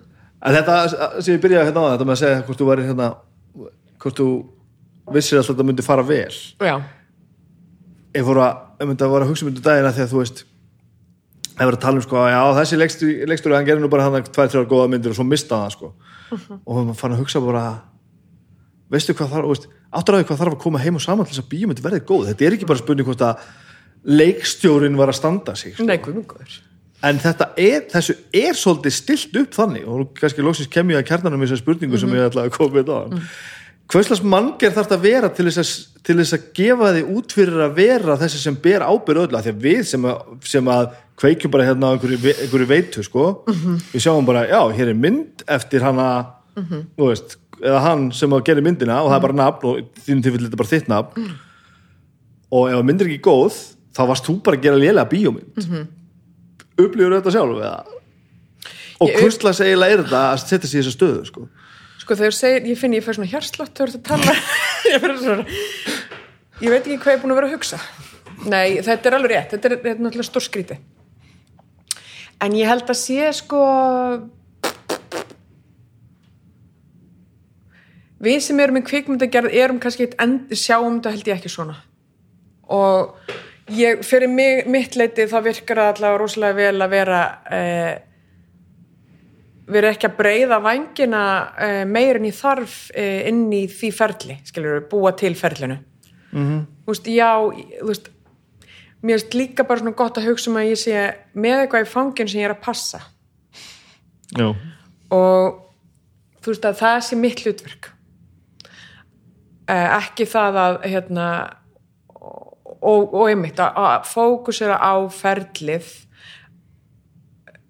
þar sem að ég er með þetta í fanginu og er að passa það frekar en að hugsa um þetta eh, moment hérna þar sem við horfum á nafna á skjánum sko. mm. og svo ef maður er mikið að horfa á nafna á skjánum þá eru náttúrulega, þú veist, það eru 300 önnu nöfn já, en þú ert leikstjórin og þetta er svo gildislæðið fyrirbrið þetta leikstjóri, það er bara þetta er bara mynd eftir mm -hmm. meiri segir tónlistinni sko ef þú ert solo er, er solo listamannskja þá ertu meiri sér með pínu backup á sko, já, hana, hún sem pródúseraði plötuna -hmm. og, og, veist, og það, þá er einhvern veginn búið að deila álæginu líka sko, bara, já, já, svo hætt, svo hætt hann að vinna með honum sko, og þá fór þetta að vera allt gott aftur sko. en, en leikstjóra gera bara einhvern góðar af óta myndir Steven. Spielberg hefur ekki gert neitt að viti í 30 ára og bara, ok, þetta er vistalega ránt og öðrulega bara, þú veist hvað heldur það sé bara heima hjá sér einn að búið til bíó já, með, með, já, loka augun Já. Já, þú veist. Æ, maður, þetta er bara sem er heitt er ekki allar reyna að gera sitt besta? Jú, en þú þarft að vera með einhvern vilja að sitja þessu stól og gera þetta. Já, þú þarft að vilja að vera leikstjóri, ég skil ekki hvað það kemur. Nei, ég veit ekki heldur. Ég held að mér finn já, ég veit ekki. Það er bara uh, þetta er bara e- enn eitt formið af þörfina að miðlengur og segja ykkur að sögu mm. og þetta er alveg flókið leið til að gera en maður er einhvern veginn, ég held að sé bara það er ógæslega mikilvægt að, muna og, og koma í reyna einhvern veginn alltaf fyrir mig að binda þannig um nútana að þú veist, maður er ekki einn í þessu Já. muna það, þótt að þetta er ógæslega innmannlegt jobb og veist, alltaf sjaldan einhvern veginn hefur maður tækifæri til þess að vinna með öðrum leikstjórum. Ég veit ekki hvernig hinn er í vinnunni mér finnst það svolítið glata herðu, auðvitað. Það er alltaf bara einn leikstjóri einu. Já, maður er svona úti eða mjög oft, það er reyndar aðeins að breytast núna með þessum serjum og svona þessum að fólk er að, að hérna, meira stundum að, að, hérna, að vinna þetta saman eða eru fleiri en eitt leikstjóri. Er þá vinnan oft þannig að að þegar maður sér það oft í svona seríum að það er í pre-production eitthvað svoleiðis? Já, ég held, ég reyndar sko er örgulega, þú veist, að því ég hef ekki prófað þetta þá, þá veit ég ekki alveg hver talum en ég held að sé nú oft, oftast er það þannig að það sé eitt sem er svona kannski sem að hérna er uh, daldi með töklin og haldirnar. Svo gott er náttúrulega hesta lingó sem Já, ég kann ekki. Uh, og einhver sem heldur á svona, þú veist, það er einhver svona sem er með yfirumsjón og svo eru aðeirir og sem að koma inn í það. En fólk er held ég alltaf eitthvað að hérna að þú veist, reyna að taka einhverja díalóga í pre-production, það er að þú veist, þú hlýtur að vera að nýta sérsvið og styrki hvers annars, þú veist myndi ég halda, já. Til þess lítur leikurinn líka að vera gerður. En þetta er, þetta er svo ótrúleg pæling, ég hef aldrei pælt í þessu því að svo sér ástu viðtal við leikara sko, sem er að lýsa í hvernig er að vinna með þessum og þessum leikstjóra. Og það, þessi, þessi gerir þetta svo mikið svona og þessi ekki svona sko. Og eftir tíu ára þú kannski búin að vinna með sko, 50 leikstjórum með eitthvað, búin að taka inn alla þessa reynslu og allt þetta sem hefur gerst. Já, en þú sem leikstjóri kynnist ekki náttúrulega brota þessu. Nei, það er ótrúlega furðulegt. Já. Það er, eh, ég mitt, ég bara oh, mér langar svo, og leikar eru náttúrulega bara, leikar og krú þau halda á okkur rosa mikið upplýsingu sem að ég hef ekki aðgangað um hvernig, hvernig hinnir eru. Pældi því. Við erum búin að leysa þetta, þetta er komið. Ekki að Já, Þetta er geðvægt En hérna, áður við fyrir eitthvað aðeins að langar að vita eitthvað meira eitthvað um þig sko.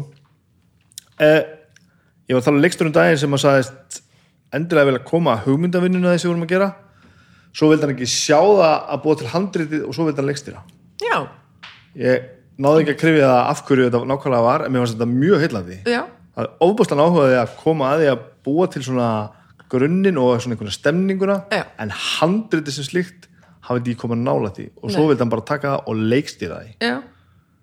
Þá fór ég að mynda velta og þá vissi ég að ég var að tala við þig bara hver er munurinn á mannesku sem að, sem að vill taka orðin bara frá hinum Já, og búka til? Mhm. eða þessi sem er að gera sko handritið vantalega sjáandi þá hvernig þetta getur mögulega orðið Ger, þú gerir alveg bæði, menn þú skrifar sumt og svo skrifar ekki hitt. Já, ég ger bæði. En ég hef ekki ennþá tekið handrit sem ég hef ekki átt þátt í að fá að pota daldið feitt í, sko. Já, það er alveg þannig. Já, Ok. Eh, og þá meina ég bara, svona það verður að vera fyrir mitt leiti e, þú veist, ef, ef ég hef ekki skrifað það þá verður ég að tengja náttúrulega auðluslega, tengja og hafa eitthvað að gefa og, og finna verkið en þá opið fyrir það og svo eiga sens á að, að gefa, þú veist í minnsta falli gefa komment sem að er í svona góðum kreatífum díalóg tekið vel á móti.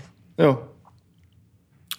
það er svona í, í minnsta lagi það sem ég er til í að gera í, hand, í handritaskrifum. Og svo í mesta lagi náttúrulega skrifa skilur en þarna erum við ekki þarna að koma að því sko að, að sumir leikstjórar eru bara ekki svona storytellers er ekki bara sumir að búa til projektið ég veit ekki, ég held að þetta sé smá innföldun að setja það svona því að sömur, sko svo eru bara sömur þú veist, hvaðan kemur inspirasjónin skilur líka og, og hvað eru styrklegarnir og, og svona ég, þetta er mín leið til að skilja uh, hvað við erum að gera og hvað mér langar að gera líka með því ég bara svona aðlast hans upp með því. En ég held að séu aðri leikstjórar sem að sem að gera það öðruvísi veist, og hafa bara aðra nálgun. Og hún þarf ekkit endilega að vera eitthvað yfirbúrskendari þótt að þeir séu ekki alveg endilega inn í, í á taka veli réttvélaborðinu skiljuru -hmm. en þú veist, mér finnst eins og mér finnst gaman, ég líti á þetta sem að vera í skrifferðlunu með einhverjum þessum hætti sem ég var að lýsa eða meiri er mikilvægt fyrir mig. Og náttúrulega augljóslega að starta, starta er líka mikilvægt vera í skrifferðlinu og svo þegar að, þú veist, við upplifum að handrætti sér tilbúið og að tökum kemur, þá býr svona svolítið til kannski nýja, nýjan vegg. Þú veist, þá reynir ég hætt að vera handrættahöfundur og byrja að vera leikstjóri. Já, þú, þannig að þú horfir ekki á þetta sem sama sam, þú veist, ég reyna að búa til svona smá svona uh, einhvern vegg til þess að hérna uh, vera ekki of meðvirk með því sem við ætluðum að gera veist, og ef að það, ég veit alveg hvað við ætlum að gera, það er svo sem smitast yfir en ef það er ekki að komast yfir og við finnum það e, þegar að leikar að koma og ljá e, þú veist, ljá þessu líf og ég finn bara, já ok, ég man að við ætlum að hafa þetta svona, svona, svona, það er ekki að gerast. Og það er, þú veist, sama hvað við reynum með leikurónum að, og við leikararnir saman að, að gera það, það næst ekki einhvern veginn fram þá verður náttúrulega verður bara, ég veit ekki hvað sem handrættahöndu var að pæla það er allavega ekki að virka. Þú veist, við þurfum að gera eitthvað í því. Og þetta eru actual moment á setti. Þetta gerist alveg, já. Þar sem þú þarft bara að krefja það sem átt að virka og gera það ekki og bara Já. laga það. Já, já, já, já, aldrei verið á Nei, á- og, það, og það er bara þess vegna er líka svo mikilvægt að vera í, í þú veist, vera í góðu samskipta flæði með leikurunum sínum fyrir mig sko, að þú veist, það bara geta stundu verið bara svona pínu, ok, uh, getum við fengið smá stund, það er smá SOS hérna, það er eitthvað ekki alveg að virka. Og þau finna það alltaf, sko. Já. þú veist, við finnum alltaf bara, hmm. Og þá er, byrja bara svona samstarf skilur við, byrju, er það þetta vantar þess að brú eða er þetta óskýrt eða er það kannski bara fólki í þessu orði sem að setur eitthvað vitlust væp eða er þetta kannski bara tilfinning sem við ættum að breyta? Er þetta kannski bara léttara þú veist, kannski er hún bara hálf hlæjandi þegar hún segir svo sörglega hluti eða, Já, einmitt, bara þessi eða hlutir já. er þetta bara svona eða þarf bara að taka, ok það þarf bara að taka díalógin og setja hann kvolf ég, ég hef gert þetta í leikhúsi sko. já, Þetta er kannski ekki dósvipað þetta er bara eins. Já, nema svo hérna uh, þú veist, þegar klippið er komið þú veist, mörgum mánuðum síðar þegar maður er komin í klippiferli þá einhvern veginn finnst mér líka fínt að vera komin, búin að setja annan vegg á milli og hugsa bara, ok, ég veit ekki hvað þetta fólk var að hugsa þannig að setja en það er allavega ekki að virka. Eða skilur mig, það vera bara svona aðeins svolítið svona, uh, einmitt, bara reyna að vera eins ómeðvirk með því sem að uh, hvað við vorum að upplifa á þessum tíma hversu erfitt það var að skjóta þessa senu þú veist hversu þungbært það var eða uh, hvað hún kostaði mikið eða hversu mikið það þurfti að þú veist götta sig tilfinningalega.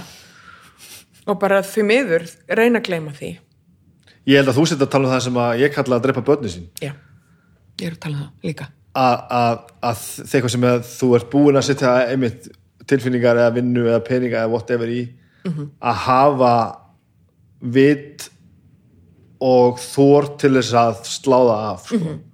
það getur verið ógeðslega erfitt og leðilegt já, það er leiðilegt sko að því að lægið var svo frábært hérna í eyrunum á mér þegar ég satt hérna í stofinu og var að semja það sko. Já. svo bara virkar það ekki sko. já, og líka allir tími sem eittir í það já, og og sannfæringi sem ég hafði fyrir þetta verið frábært, það alltaf erfiðast sko. svo er kannski líka bara svona eitt svolítið mikil tími að sannfæra hérna, eh, hljómsveitamælumur um að þetta væri geggjað og þetta er bara akkurat það, nákvæmlega. Þú veist, tími sem þú fær aldrei eftir tilbaka Já, en svo sem eitthvað sprettur af í staðin, sko. já, já, En svo lærir maður líka eftir því sem að tími liður og maður gerir fleira að að þau börn sem maður hefði átt að drepa á standa þau verða oft helviti óþægileg. Þar sem þau standa eitthvað stað bara, æ, fokk akkur hættu við ekki bara við þetta drasl? Sko. já, akkur höfum ekki bara vita því? akkur höfðu ekki bara vita að bara segja að þetta var ekki nóg gott? Já, að því við þurfum að hafa ákveður svona sjálfsöryggi til þess að gera það. Kannski er það bara það. Og þú veist, það er hérna mér finnst það einhvern veginn, það er kannski það sem að mér finnst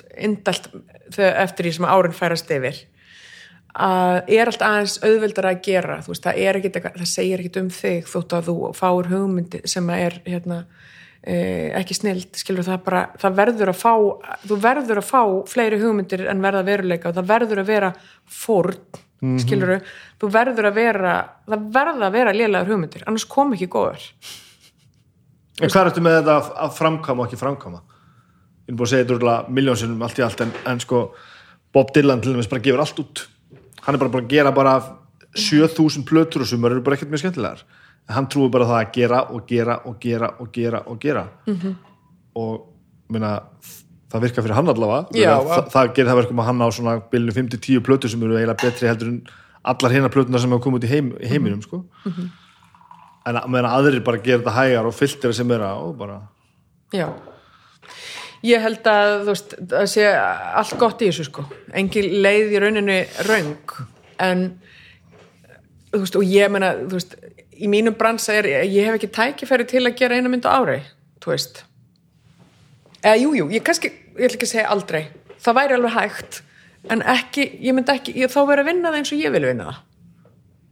já, sem er uh, sem að er ég bara mjög, ég, þú veist, fyrir mína nálgu þá þurfa hlutirnir að meltast og liggja og og alls konar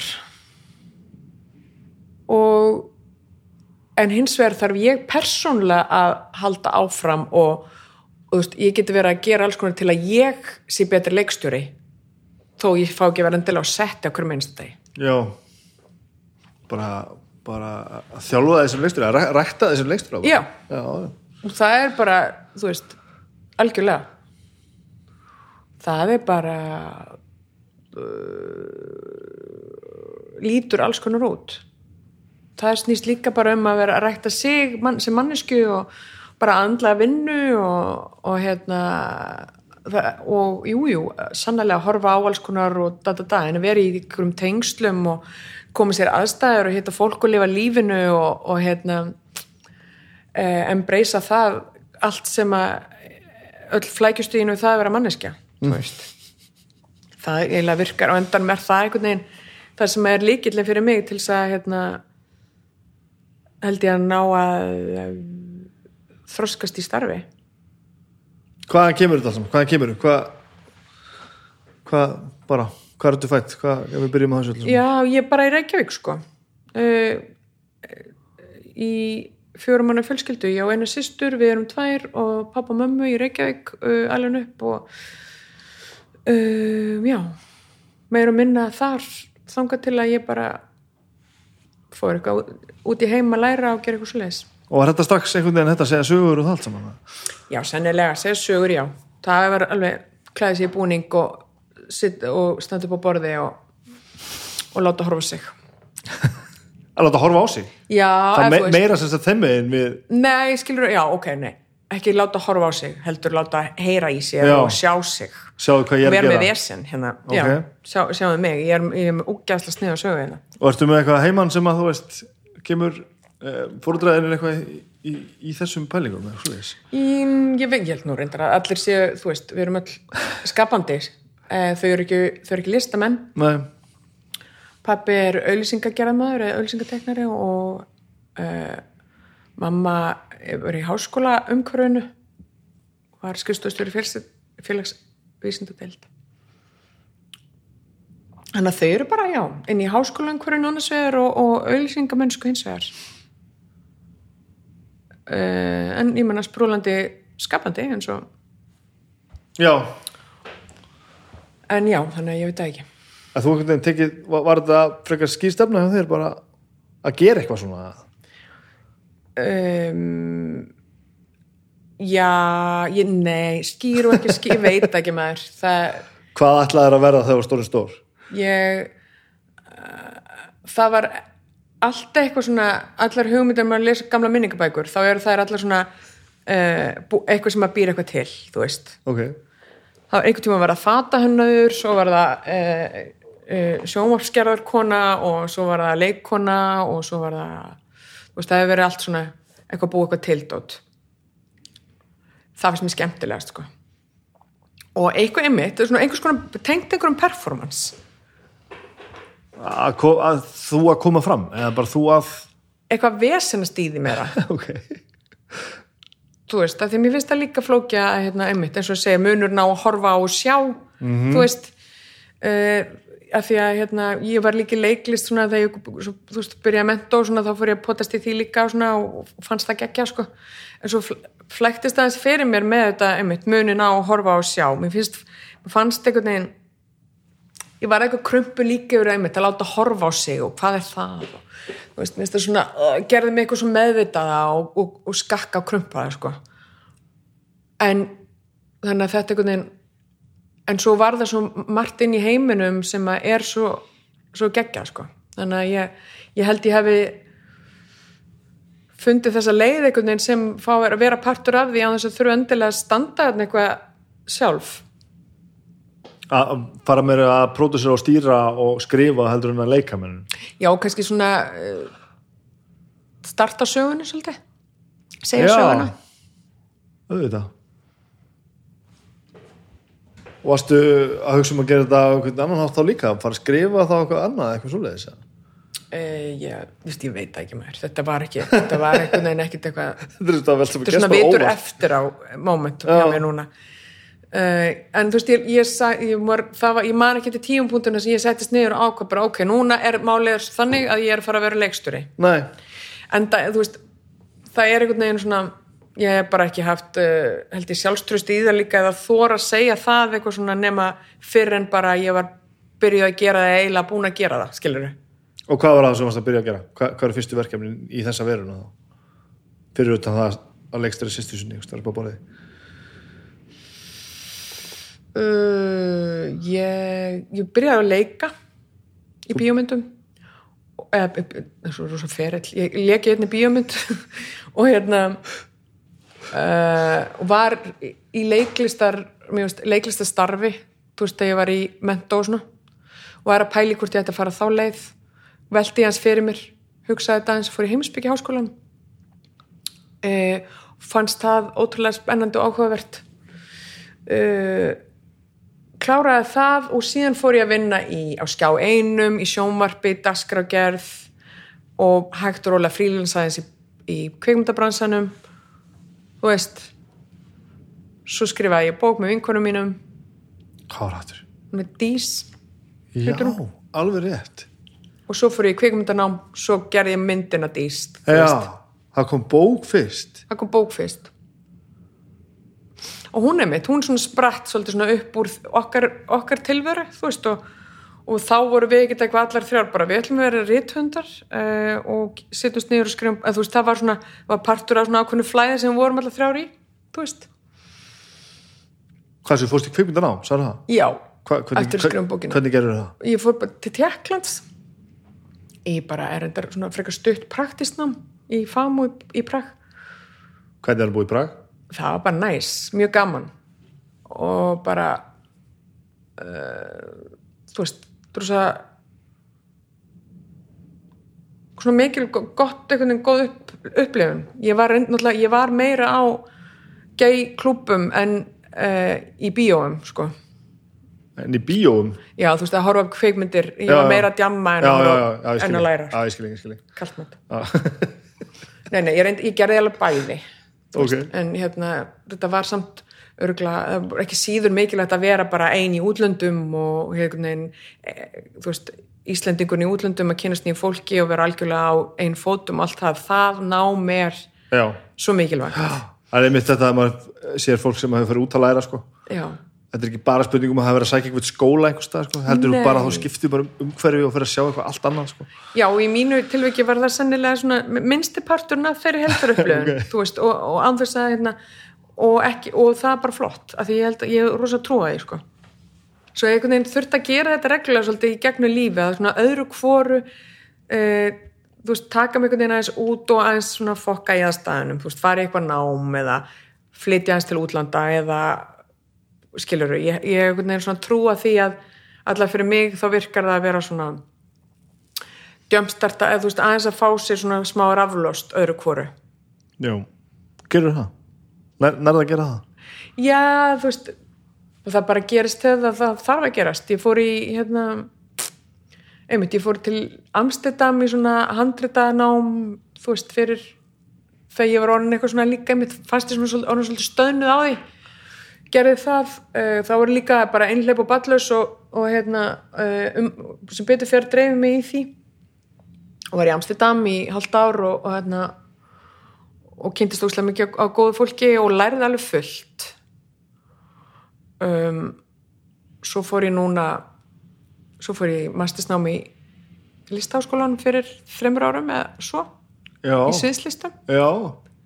Af hverju, af hverju sviðslistum þá?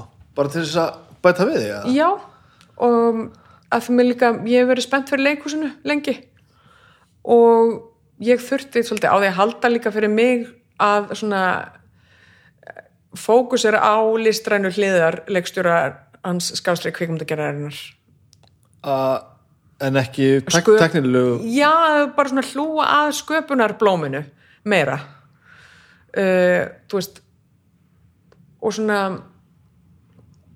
ég var í alls konar svona endurskoðun með, þú veist, einmitt hvað þú veist hvað leik, hvernig leikstjóri ég vil vera og hvað hef ég að segja og hvað vil ég gera og, og hérna og ég þurfti rosalega mikið samtal einmitt, talandi um samtali ég þurfti einhvern veginn svo mikið að vera uppgöta það, ég, ég fann ég gæti ekkert uppgöta þetta eitthvað við- ein við stóðborðið sko.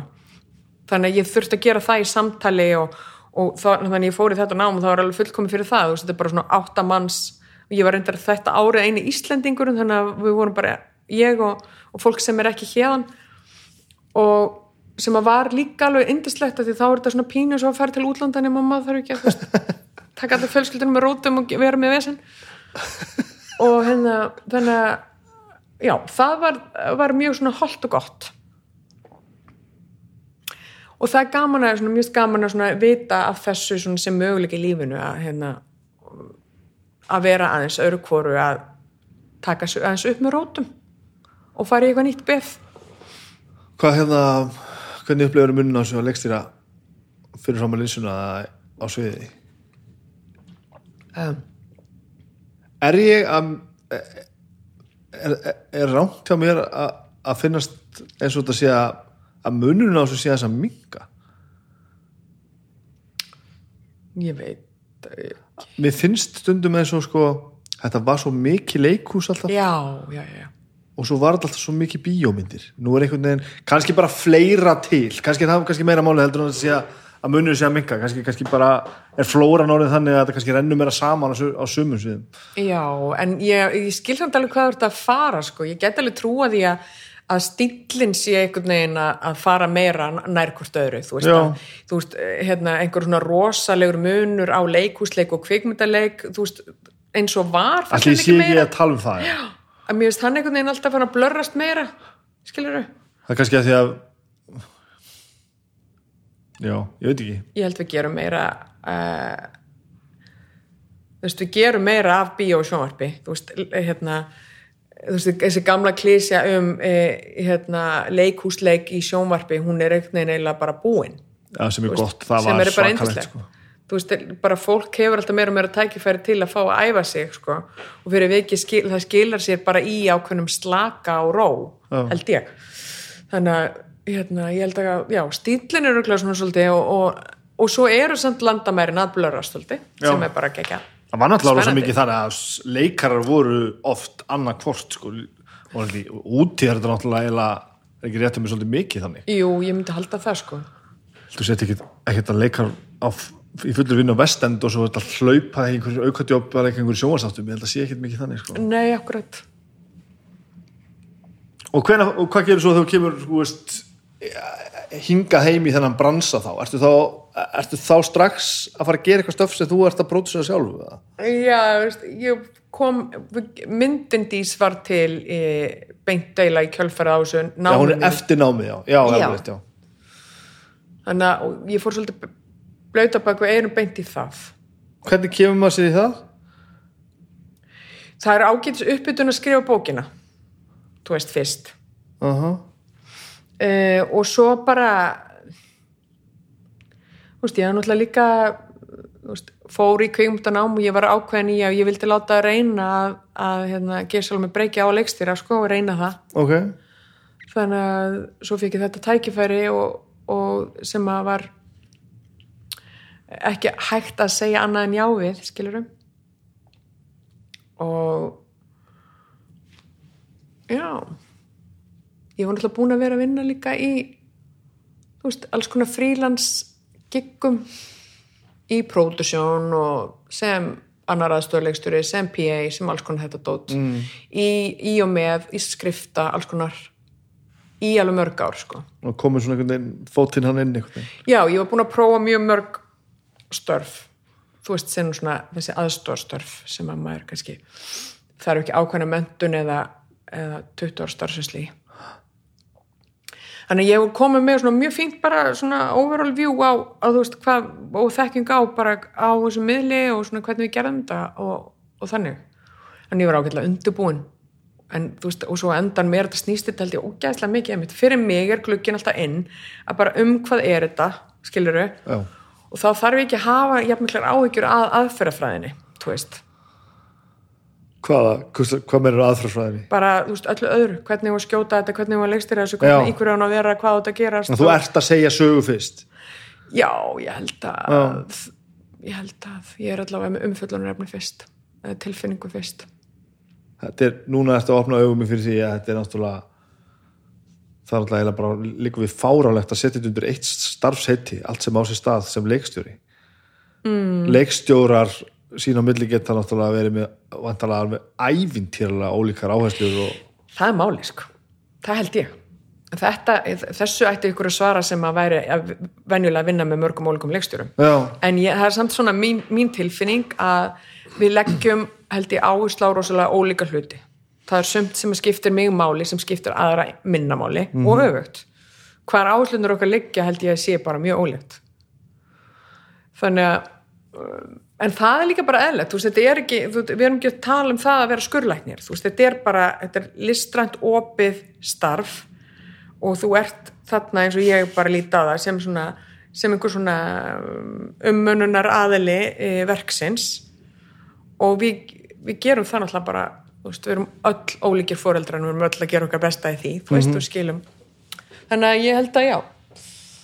Það er alveg eðlilegt að við gerum þetta að máli fá að vera þú veist þetta það er kannski töfratnir í þessu að við erum ólík og nálgunin er ólík og hún, og svo er líka hvernig ég nálgast eitthvað, guðmur góður, hvernig ég nálgast verk sem ég er að gera í dag uh, seríu sem við varum skjótið sumar, ég nálgast hana allt öðruvísi en ég nálgast eitthvað sem ég gerði fyrir tíu árum, sko. Þú veist, ég held ég sé öðruvísi í dag Reynslunum ríkari bara þannig, mennunum Já, reynslun, vonandi, reynslun ríkari og vonandi einbettari og fókuseraðari á, ég veit betur hvað skiptir máli, hverju, hver við erum að setja hérna, fókus og hverju við getum slepptið að hafa ágjöraf, þú veist, um, það er ógislega næst að fara að, þú veist, ný, vera með svona opna taug ennþá í hvað við gerum í klippeherbygginu, skilur við? Það er ótrúlega vingil, maður. Já. En svo þetta segja áður með að, að, sko endirinn á heitli bíómynd geti breyst þar. Já. Það er líkum manni við að segja hálf óskilanlegt sko. mm -hmm. af því þú náttúrulega klippir ekki úr nema því sem þú ert búin að taka upp Já. þú ert ekki með hennar, þú fyrir ekki eitthvað eftir á að fyrir að taka upp einhver, einhverja senur sem að bara, erðu, höfum þetta bara svona, komum við krakkar leikum við einu sinni viðbútt En þú veist, það ger, svona betur fyrir nú sá möguleika stundu fyrir hendi, Ok. þú veist, og við gerum það alveg, hérna, e, regla, þú veist, það? sérstaklega. Já, það er alveg gert og það þarf ekki endilega að vera e, neitt nema bara frábært, sko. Það væri náttúrulega besti heima eiga alltaf sjensin á því að í smá aukatökur. Já. Þegar við erum komið með 98% af verkinu. en erum við ekki að tala um oft löngu senna Jú, það má allar anskotan. en það var ekki búið þarna fyrir Agnesi okkar, sko. Þannig að við, hérna, við gerðum úr því sem við gátum. Við hendum einni senu og við settum, og þú veist, gerum alls konar, sko. já, ok. Rosalega upplýður maður ekkert svona þegar maður veit þetta ekki. Við létum hérna uh, tvær hugurökkar leikonur uh, fara í sjósund um, um hávetur uh, í svona steiningskalda og við sátt, krúið við, ég væri þremur held ég í skíðaböksum þegar ég stóð og þær fara á, á sundbólunum úti og þær gerðu það, uh, tókum þessa senu sem sagt. Uh, mikil svona stönd hetjusena í rauninni sem áttu að vera lokasennin í myndinni. Og svo hendi henni. Og ég er ennþá svona það sem ég veist leiðilegt við það er, er hérna er, uh, en það eru náttúrulega svo mikla hetjur sko. Marja Heppa og Katla fór út í sjó og, og hérna og svo voru þær bara sagði þeim síðar bara því miður þessi sena er ekki með í myndinni það er bara nei, nei, svona er þetta bara já þetta heitir að vera þetta, próf þetta bara. eru hetjur sko, Já. hetjur hafsins en það er rosalegt að vera með myndina svona ferska í, í höfðinu að því ég var að horfa á hana sko, og fá svo svona sko. já, er, er ég að íðalega þetta? Nei, nei, mér, þú ert bara að bæta þetta sko. þetta var fyrir heila eins og, eins og, eins og minn sko. já, að því þá með skinja ég svo mikið galdurum við að segja góða sögu er þú veist að reyna eiginlega að fela alla saumana fyrir þeim sem er að upplifa sko. einmitt að því að þú veist, þú þarft alltaf að búa þetta til og ég þarf að trúa sko. já, og þú ert að segja mér sko, já, svo þurftum við að gera þetta og, og ég upplifiði ekkert af þessu nei þá sa- sannfæri mig enn meira um að þetta sé snild sko. en fela saumana er frábær líking sko já, þú veist, það er hérna það er alveg þannig, bara taka og, og einmitt, hérna stundu sjá við þetta hjá hvort öru held ég við hérna kvikmyndu gera fólk, að þannig verða að klippa, klippa fram hjá vandum leik eða, Skítaredding. Já, eða svona, ekki skýta eða bara svona einmitt, mm. -hmm. velleis þessi áskurun hún var velleist já. við, sjá, spottum þetta öðru hvoru og stundum spottum við þetta ekki en það er, veist, þetta er líka einmitt, þetta er risastór partur af því að vera svona strömlunulega vandamál þú veist, eftir á En þarna komum við held ég að einu sem við áttum okkur ekki alveg á við venjulega fólki sko. hvaða er mikið sem er ekki tilbúið. Maður hefði einhvern veginn haldið þetta væri bara klárt. Það þurfti, þurfti bara hérna nú handritið að bíómyndinni.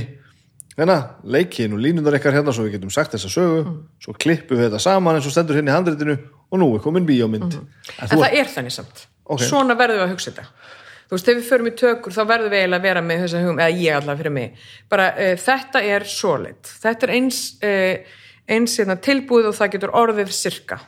Ok, og svo þanga til um að ég er alveg að viss næst, ok, og núna breytum við. Æ, fattar þau, maður verður að trúa þessu, þetta er bara svona, ok, við erum alveg tilbúin undir texti eins tilbúin og hægt er að vera. En, en þarna hittir munurinn á sko, að skilin á milli skipulags og kaos að vera það, þetta lítur að standa bara svona hlifið hlið, þú veist, þú lítur að vera mjög stuttráði að fara bara að rúlla yfir í bara total kaos ef þú fyrir að, að riðla þessu skipulagi sem, sem, sem var komið á þetta fyrir. Já, ertu meina svona bara praktist sér? já, bara allt, já, eiginlega. Já, en þá, þá ertu líka bara líka blessuð með einhverju briljant hérna, fólki í kringu þér sem hjálpar þér að, að taka breyturnar og búa til nýja jöfnu, þú veist Já. sem að eru í formi eh, aðstofleikstjóra, framleiðanda Já, já, já. og þannig ástæða fyrir alltaf fólk er, hefur, hefur þess að tilla, það er að gera mislegt ja, minn góður þú veist, þau eru að gera í rauninni allt sko. Hvernig hérna, hvað svo? Þú ert komin hérna uh, búin að gera þessa einu mynd þarna Já, og og veistu þá bara að þú ert orðin þessi? Ertu þá orðin leikstjóri, ertu orðin, þú veist, að því mér líður svolítið þess að tala við núna þú vitir ekki alveg hvað þú sérst, sko. Nei. Gott að ég kem svona vel fyrir. Nei, ég, ég heldur sé að hrósa þér, sko. Nei, er, sko, þetta er bara rosa góð spurning vegna þess að nei, þetta er svona pínu hérna um, mér, ég hef alltaf ég hef verið svona smá uh, feimin við þetta orð leikstjóri. Ok, og mér finnst pínu svona eins og að segja það að, þú veist, það verður reyndir alltaf auðveldara en þetta er eitthvað svona krump í manni sko. Bara að óna orðið, mennum að óna orðið og sitja í því og mér stundum eins og ég segi bara já, ég er fegurudrottning Já, þú veist, mér finnst það pínu þannig. Sem að lýsir samt ákveðnum hróka á dómum í sjálfur mér. Þannig að ég er að reyna eitthvað svona að slétta úr þessu krumpum. Þetta er náttúrulega bara það sem ég geri og það verður alltaf auðveldra og auðveldra fyrir mig að trúa því en sennilega er smá impostor syndrom í mér. Það, við erum öll þar já, það kem, jú, það kemur svo og ég er búin að upplega svo stórkostlega í hérna samhengi þessi viðtöð sér að taka. Já. við erum öll með þetta syndrom við erum öll að feika það að okkur líði nógu vel með það sem við erum að gera og enginn sé að, að dæma okkur eitthvað stað sko. sem er ógeðslega að fyndið sko. Og það er alveg saman hvað þú ert. Þú ert alltaf aðeins að veltaði fyrir hvort þetta er er ég að óna þetta þetta er ógeðslega gott sko. Já, en ég sko, ég er alltaf átt að mig á því að þú veist, því meira sem ég óna það að vera imposter með syndromið mitt já, já, því betur gengur mér að því að, með það að svona aðeins að svona setja það í, í magn sem ég get ráður við Fattar þau? Já, mí- mín leið í þessu er sko er að að láta skynnsemina bara að segja mér það að ég hafi rátt fyrir mér sko Já, sem ég held að sé bara hugra fyrir sko já, já er, og, og þetta er stórkostlegt verk sko, þegar þú bara svona stígur aðeins tilbaka og horfir á sjálfaði og aðstæður sko og bara hvað er að þér? Akkur er þetta að hugsa þetta svona? Þetta er al- algjör þvæla sko Já. og það er ekki það með að sért eitthvað svona upphefaði sjálfaði með að segja sitt bestur í Nei. heldur bara allt sem þú ert að gera hérna, og þínir eigin vitsmunir og, og allar aðstæður og allt segja bara mjög opinskátt 100% þetta er allt í lægi sko. Já. en þú svona einhvern veginn í eigin sjálfi svona bara já, já, þetta er aðeins alltaf læg Einmitt. bara hvað er að gerast? Þetta er, þú veist en því svona opnari sem að maður er með þetta því einhvern veginn svona þú veist, þetta þrýfst bara í myrkrinu svona, svona hugsanir sko. Þrýfast og stækka í myrkrinu en það er minka í ljósinu, finnst mér. Já, vel orðað. Þú vil heldur að segja hárrétt. Já, en að þú ert að tala um hennan titil sko, leikstjóri sem er einmitt svona fyrir og drottning já, og er svona óbóstlega einhvern veginn svona gildislæðið einhvern veginn sko. Já. nú til með sko e, ég á til dæmis velunagreip fyrir textasmíðar sko, fyrir, Mhm. fyrir, fyrir bundið mál Já, ég á mjög erfitt með að kalla mig ljóðskáld já, það er ekki beint þetta imposter sem hefur, hefur áhrif á það sko, að því ég veit að ég er, ég er framúskarandi textasmiður Mhm. En ég tengi ekkert við titilin ljóðskáld, fyrir Nei. mér er það bara ekki að sama sko. það er eitthvað svona listrænt sko, ofbúslega svona fyrir mér svona háflegt og listrænt sko á meðan að ég er bara eiginlega meira í íþróttum sko Já. ég er bara að vera rosa duglegur að rýma og segja sögur sko En sko, ertu ekki líka svona þarna, sama og í mínu svona uh, astnalegu lotningu gagvart þessu orði, veist, eru ekki líka bara böglast með einhverju svona uh, fordómafullar hugmyndur um hvað þetta er, þú veist, alveg, jú, nákvæmlega. ljóðskáld, einhvern veginn Jú, og það. leikstjóri. Já. og akkur er maður eitthvað svona ó, ég er ekki verðug gagvart þessum orðum? Þú veist, þetta, það, við erum líka við erum, við erum sko eins og þegar maður gerir of lítið úr hlutum, þá er einhvern veginn svona ótrúlega nálægt í að gera of mikið úr þeim líka. Þú veist, þetta er bara svona, þetta er ójartengdar hugmyndur um hvað þessi hlutir eru. Bara akkur er akkur finnst mér eitthvað flókið að þú veist, akkur setja ég þetta á hana stall, fegurudrottningastall það, það sem ég lýsi er bara, ég er ekki verðug. Eitthvað svona, svona það er borði og og ljóðskáld, þú veist, þú ert líka hrættur við það því það er bara, þú veist, einhver svona maður fyrir að hugsa um einhver svona 1950 mokka, pípa, þú veist, gólaurstígur alveg sko. Eitthvað svona, og eitthvað svona að fá andan yfir sig. Já, sem ég er ekki sko. Nei, akkurat og kannski að maður líka bara feimin við að, að þarna er veist, þetta fólk er ljóðskaldið, það veit að það er búið að handla sannleikan mögulega. Í, í sko fordómafullum huga mínum Já. þá er, þá er þetta veginn, þetta er bara of hlaðið. Veist, þetta er of hátt uppi. Já, eða of lágt niðri skilur við já. Og mér E- langar svona að það þarf að hjartengja þetta meira. Veist, þetta er bara eins og allt annað en svo er þessi stóru hugtök leikstjóri ljóðskáld feministi. Þetta er til dæmis ánum búið að taka langa ræðu það, ég gróð mér mjög djúpa hólu með því að, já, já, að skrifa eitthvað um feminisma litla sýsti mín tók mig og, og, og skrifaði mig til helvítis á móti. já, frábært. Og ég bara ég er betri maður í dag og ég, ég skildi þetta eftir á. Já, en þá er, kom, kemur þetta sko og kom eitthvað rosa gildislaðin svona titil einhvern sko og þú hefur ekkert með að segja finnst þér sko hva, hvað það er sko. Þannig að ég er allt í nú bara orðinn eitthvað svona ljóðskáld af því að einhver annar sagði að ljóðskáld væri svona sko. Já, og þetta er náttúrulega augljóslega raung hugsun sko, af því að ég fór að se- setja þetta svo ég var feminisman og náttúrulega bara skaut mig í hausinn bara, á, bara í örsfaða morðum sko. Já. af því að, en, en ég held ég sé samt að díla við þetta í dag sko. En ég, ég er búin að læra að kalla mig feminista en ég get ekki kalla mig ljóðskáld.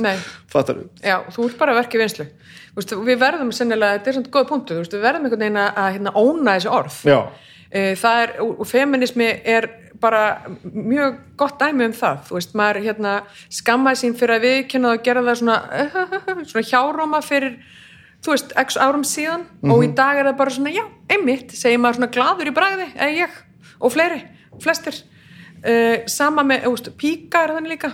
Já, út að tala um orðin sem slík bara. Já, ég að tala um orðin og gamla merkingu eða lotningu eða tengsl okkar við orðin og svo hvað þau þú veist, eru svo innibera. Og við getum alveg tekið þessu orð og óna þau og breytt þeim. Já, eins og þú gerir með feminisman og ég og þú veist, við gerum með alls konar orð og bara eh, sæst við að já, já, þetta er orðir og svo stórt. Mér finnst það núna, en ef ég prófa að æfa mig í því að nota það og, og gef sjálfur mig það tækifæri Já, já. að þú veist, ég er leikstjóri sko, en það gerir mig, þú veist, það er ég er bara leikstjóri eins og ég er. Þú veist, ég er ekkit eitthvað leikstjóri eins og stendur í orðabókinni. Ég ætla að fara að kalla mig ljóðskáld. Þú ert búin að samfæra mig og ég er ekki grínast. Þetta er frábælega sett í orð sko. þú er bara þinn, þitt ljóðskáld. Já, það segir ekki að þú haldir á sért gáfari, fallegri, betri, sterkari, djúpvitrari en aðrir. Þú ert bara þi- þitt ljóskald. En þú, um leiður úr ljóskald, það getur líka verið 200 aðri hlutir. Það þýðir ekki að það sé það uppháðan endurinn af þér. Silja, slókla. já, þetta var gott sko, Kaffi að sko. kikkin, sko. Að Þetta er, samt, þetta, er, þetta er mjög vel sett í orð sko. Að því að maður er líka að skemma ekki bara fyrir sjálfur sér, heldur út líka bara að skemma hugtökin með því að bara óna þau ekki sko. Já, og þetta er bara svona, æ, þú veist, þú ætti frekar bara í rauninu að vera einfaldra bara til sálfræðings en að vera að ótta, flótta undan einhverjum hugtökum sem að maður er hættur við. já, nema þau séu niðrandi þá er þetta annar mál já þa, ekki. þa, það eru við náttúrulega komin allt annað stað allt sem að, þá erum við að tala um óbeldi og, og, já, og einhverja drottnun sko. það er alltaf, alltaf, alltaf annað sko. Snæbjörn Ragnarsson, ljóðskáld þið heyrðu það fyrst hér, Jöfullega flott. hljóma vel sko Já. En þú svona sem þessi leikstjórið þá sem ert komin þá á staði þegar búa þetta til ferðu þá eh, þegar þú þú búið með skólan, þú kemur, gerir þessa mynd ferðu svo bara og og reynir að búa þér til næsta verkefni eða koma þau eða ert alltaf með eitthvað nýtt í höfðinu eða eða er þetta sköpunni sem kallar að þú gerir eitthvað meira eða þarftu bara að finna þér vinnu eða? Bara allt held ég að þessu. Allt þetta. Og, en með, þú veist, með, verke, með, flei, með því fleiri verkefnum því kannski náttúrulega fæðast þau oftar, eða skilur Já. með tíman kemur þetta svona fæðist þetta, mér finnst þetta fara að gerast svona ferli fara að gerast núna aldrei náttúrulega fyrir mig. Eh, það var svona meir eins og meiri áreynsla fyrir mig og það var svona einhvern veginn eh, meiri reypitók í því að búa til versus fá versus hérna, vinna fyrir því og, og þú veist, þetta var svona bara eh, meiri vakstaverkir í þessu, fannst mér framan af. Ok. og mér finnst það fara að flæða svona þáttið þægilega núna. Þú veist, núna er ég til dæmis að e, nýbúa með stort verkefni og ég er í algjörum frumstegum með eitt handrit sem að ég er að byrja að vinna e, og bara er á fyrstu fundastegum sjúklega spennandi. Og svo er annað sem, með, sem ég er að gera með annari konu sem að hérna, e, er komið aldrei langt inn í handritaferlið myndi ég að segja. Og, það, og ég finn með, þú veist, það er svona fjölskyldu drama, við erum tvær að skrifa ég og Snjólaug Lúðugstóttir heitir hún. Og við, við hérna, við vitum svolítið sirka, við erum búin að vera svona duttast í þessu off and on í svona tvö ár og við, ég held ég að við vitum svo mikið hvað við erum að gera að þetta fæðist svolítið hrætt hjá okkur, skilur við þannig að sumur, sum fæðing er þannig sumar fæðingar eru þannig og þannig ég myndi alveg svona halda hún ætti að geta, þú veist, orðið til á þess að þurfa að fara í gegnum 14 ára þvottavel, sko. Já, en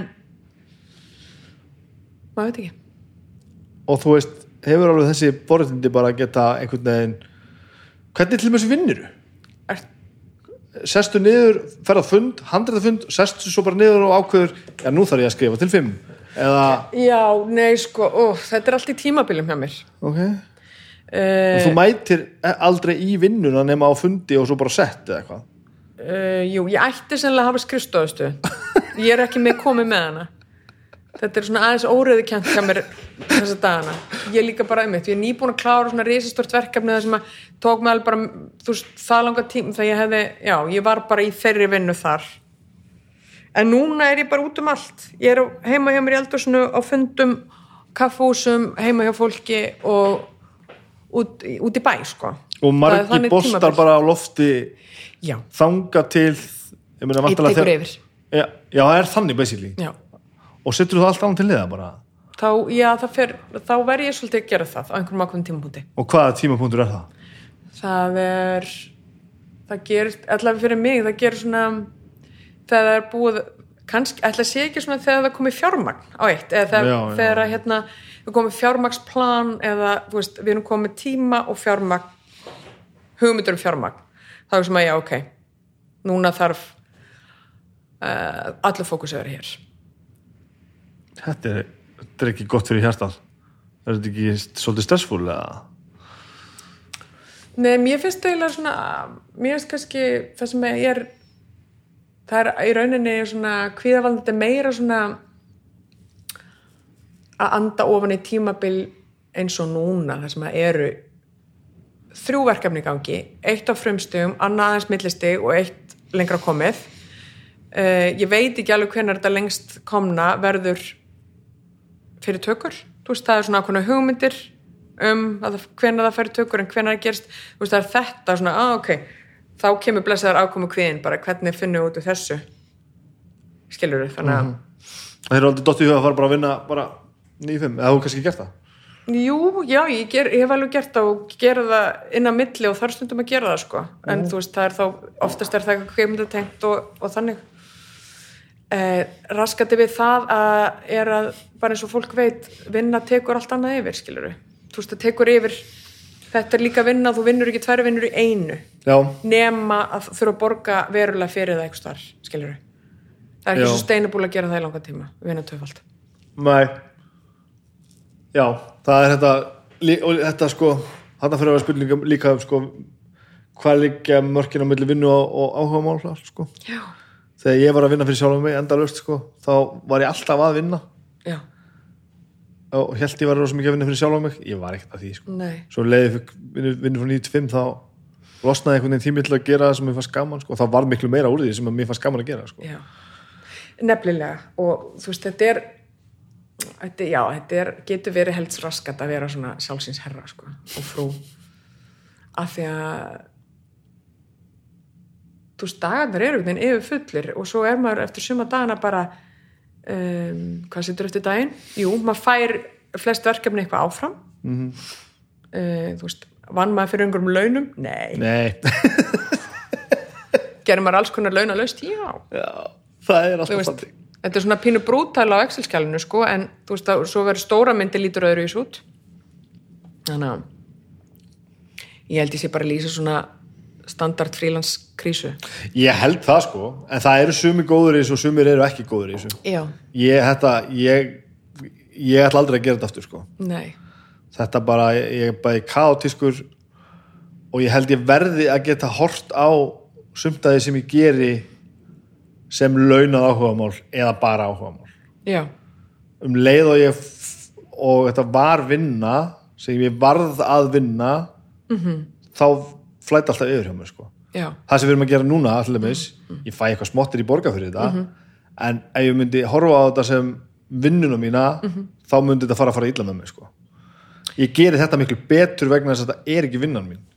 Já, akkurat, og þú veist akkurat, en þarna væru líka uh, þetta er svona sambarlegt við það að ef ég fer, ég fer á þú veist, eh, er á löngum skriffundi á morgun sem dæmi og ef ég ætla að fara að hugsa það í tímakaupi eða, eða setja eitthvað svona merki með á það sem að á ekki heima því svo stöttu, þá er það vond þú veist að því að sumt verður bara einmitt að fá að vera til í einhverju smá heilarleika eða á, í einhverju speysi sem að bara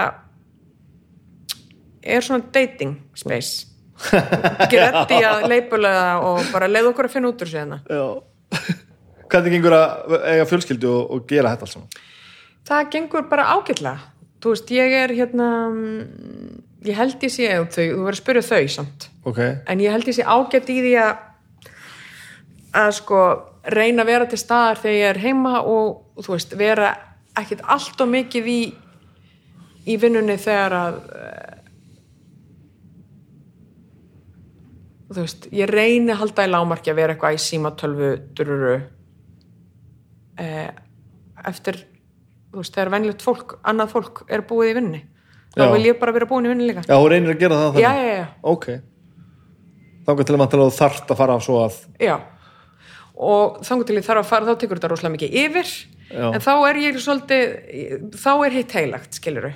Þá finnst mér líka búið búið mikilvægt inn á milli að hlaða fyrir sjálfa mig og fyrir þau. Og þú veist, vera þá daldi mættust svona heima. Já, já, já, eða þykjast vera, ég náttúrulega maður er það aldrei. En þú veist, þannig að ég get ekki eitthvað verið já, ég þú veist ég verð að vera í hjartengingu í gegnum svona basic stuff. Já. Að þú bara tala um þessa fundi og þessa skriffundi og allt þetta dót og allt þetta. Farðu með mig í gegnum eins og til dæmis, þú veist að vera að sína seríunum um páskana sem, er, sem er klár farðu með mig hérna í gegnum ferli frá því, frá því þetta byrjar fyrir vantarlega einhverjum árum síðan eða hvað þetta er. Mm -hmm.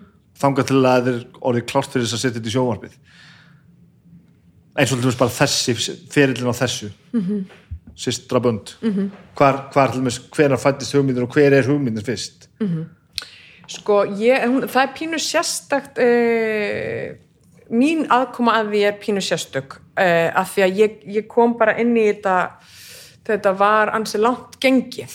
Ok, fyrir einu og hálfa ári eða ári síðan, svona en ári já. Þú veist, og hvað mig varðar mjög seint eins og ég er vön að gera það, með hvað ég er vön þá kom ég mjög seint inn í þetta. Ok. En uh, þá var þetta samt sem aður orðið eða bara orðið ansi heililegt og, og fínt handrit sem að um, Jóhanna Ævar og Björg Magnúsdóttir voru búin að ganga með lengi og, og er hérna uh, þau búin að í rauninu komin á ansa tilbúið draft.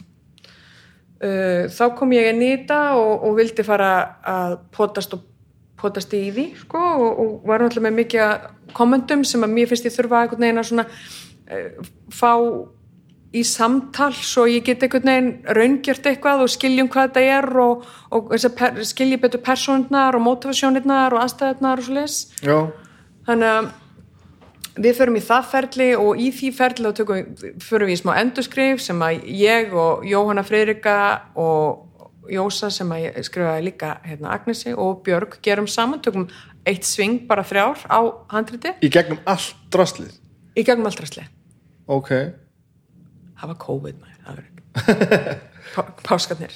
Nei, já, gerum það og það er náttúrulega helgurinn að vinna og svo bara eiginlega beint í pre-production sem að því er bara, og samhliða þessu líka sem því er bara uh, þú veist, leikaraval uh, að manna og búa til krú uh, listrannar líkilstöður eru stærsta þú veist, stærsti svona uh, krú, uh, prep faktorinn manna þær, þú veist, leikmyndahönnun tökumaður, búningahönnur þú veist uh, hár og förðun, allt þetta gerfi jærja og með þessu fólki ferður bara svona, já, svona er fagfræðin uh, svona langar mig þú veist, svona er, þetta er tónnin þessu er við að reyna að ná fram af hverju, þú veist, hver er svona byrja samtalið og byrja að búa til svona einhvern veginn svona bræðið af þessu skilur sem að heitir, er bara sínin byrja að þroska sínina á þetta. Þú sem leikstjóri þarna þessu tímapunkti hvað stjórnar þú miklu á það?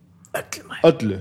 Nei, þú veist, ég legg línurnar og þú, þú ert í raunin að stjórna í sko hvurslags leikmyndahönnu og vilt hafa og ég vil, ég vil hvern og allt svoleiðis. Er, þú veist, er já, já. framleiðendur sem er að skipta sér að því Já, eða, já, ég meina, þú veist, þetta er bara ég, ég bara, þú veist, ég fæ að hafa allt um það að segja og svo kemur veruleikin þú veist, og ég veit ekki hvort það er fjárhúslega fórsendur eða bara það er ekki búaði en, þú en jobbið þitt sem leikstjóri er að sitja efst á þessu og horfa á heldamöndur og sjá hvað þú vilt að koma út úr þessu velja í stöðunar já, nei, sko, listrænt séð. Og þá er, þá er þetta náttúrulega oft bara mjög mikið samtal við framleiðanda, skiluru. Mér, þú veist, við verum að vera sammála svolítið um að við ætlum að leggja þessa línur og vera einhvern ákveðin haus á skrimslinu þannig að hann dansi einhvern veginn og eða hún í, í einhverjum takti. Þannig að þú veist, það er ekki, ég fer ekki að byða um þennan og, og það er einhver, einhver algjör skjön við það sem við erum búin að tala um að, að ég vil, að skilur mig, þetta er bara samtal og svona sirka, þú veist, þið verður basically að vera að gera sama verkið, þú veist. En algjörlega vera ósamála um alls konar svona byrtingamindi þess, fæn en, en svona risa þú veist, risa hérna pensilstrókunar eiga að vera svona í e, fólk vera að vera sammála um það. Já, þannig að já, það er, það er það sem er gerist í preppinu og, og svo eru það æfingar og, og endalausar útfæslu hugmyndir um hvernig hérna, uh, við færum þetta áfram. Hvað eru til dæmis æfingar? Æfingar með leikurum og er það að æfa senunar Já.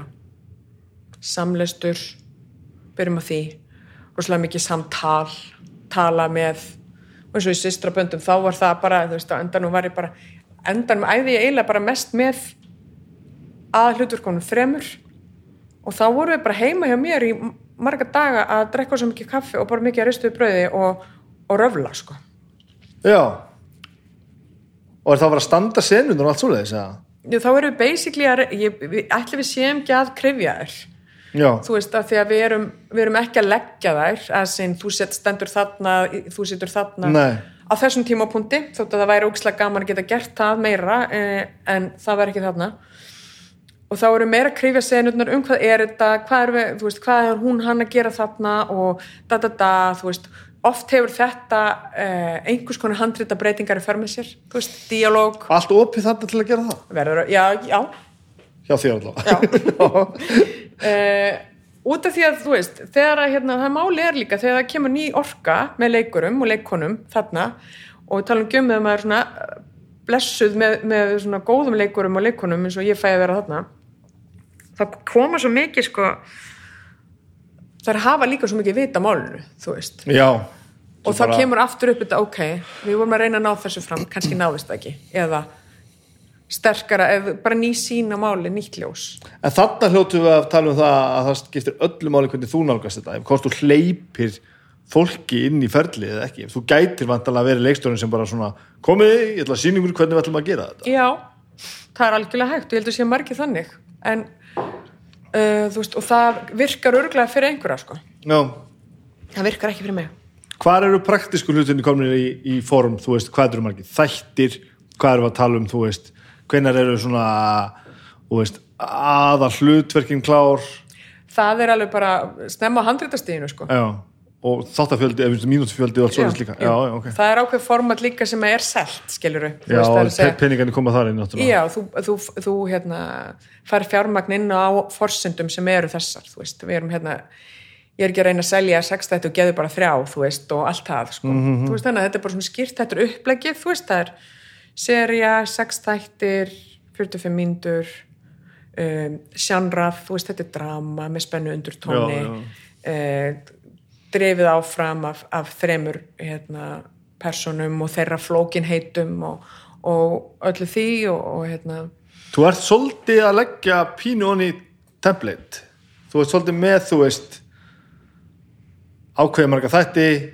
Þetta er náttúrulega línunni dagskáðan þetta er í einhverju einhverju tímaformati. Já, já, já, það er alveg, held ég bara standart að gera það sko, Já, sérstaklega fyrir svona stór verk, þar sem að það bara verður verður að vita fyrirfram, allir verða að vita fyrirfram hvað við að tala um hérna, já, þannig að já, það, þetta var alveg skýrt bara lunga áður en að ég kom inn í þetta sko. já, já, skil ég maður svona, held að maður sé oft svona um, að hann átt að segja á, á balansinu á milli sko listastöfsins og sko praktíska stöfsins já, að því að oft er maður svona upplifir stundum eins og þetta sé það sé svona lítið eftir að listinni að það, það bara fyll upp í sem það er að fyll upp í. Það eru bara tímalengd og peningar og þessi þarf að fá sitt og svona þetta og, algjörlega og þú veist svo er líka eitthvað, og getur verið líka bara ef það eru réttar útlínur eitthvað rosalega kreatíft við það að hafa útlínur skilur að hafa ramma sem við getum mála innan frekar en að hafa allt opið. Já. þannig að það er allavega þú veist að skapa inn í,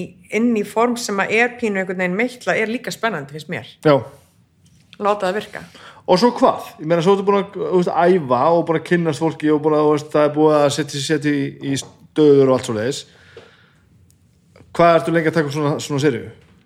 uh, þrjá mánu Í tökum? Mm -hmm. Þú veist, ægilegt skipur er þetta já, hvað er það mikið klukktímar? ég veit ekki Er það, er það 8 til 5, 9 til 5 5 Nei, til 5 dagar vikuna? 12 tíma dagar Þetta eru 12 tíma dagar 5-6 dagar vikunar, já í þrjá mánuði Mhm. Er þetta alveg standard að gera þetta svona? Mm -hmm. Vá okkur langar held ég voða mikið að vera í tíu tíma dögum þú veist það eru sömur farnir að ná því núna og sem er ótrúlega hillandi finnst mér það er rosa munur á því að fara í gegnum þryggja mánu ferli af tíu tímum eða tólf það þýðir maður getur stundum eh, náð kvöldmatt með fjölunni eða stundum farið með í leikskólan eða gert alls konar. Sem að Annars bara er ekkert rúm annars fyrir er þetta yfir höfuð ekki sko, og það er náttúrulega veist, ég get ekkert mikið kvarta því ég sem leiksturi ger þetta ekkert eitthvað á hverjum ári svona mikið sko.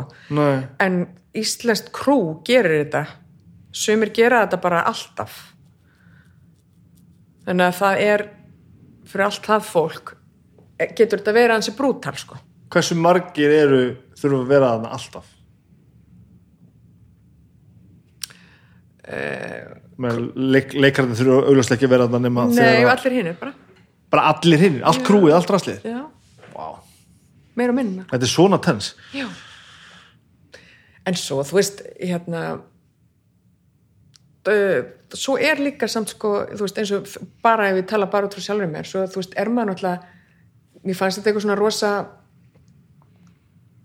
erfiðar tarnir þegar ég var yngri. -hmm. Núna er ég líka, stundu kann ég að meta, það er ákveðin kvildi því að beila algjörlega á hverstarslífinu sínu og fara inn í fara þetta bara á sjóinn og fara á sjóin og þú veist engin bónus, engin gluggaumslög ekki neitt, þú veist, það er engin að þú veist, þú þarft ekki að performera neitt sem einhver svona fungerandi manneskja bara verið lægi í vinnunni -hmm.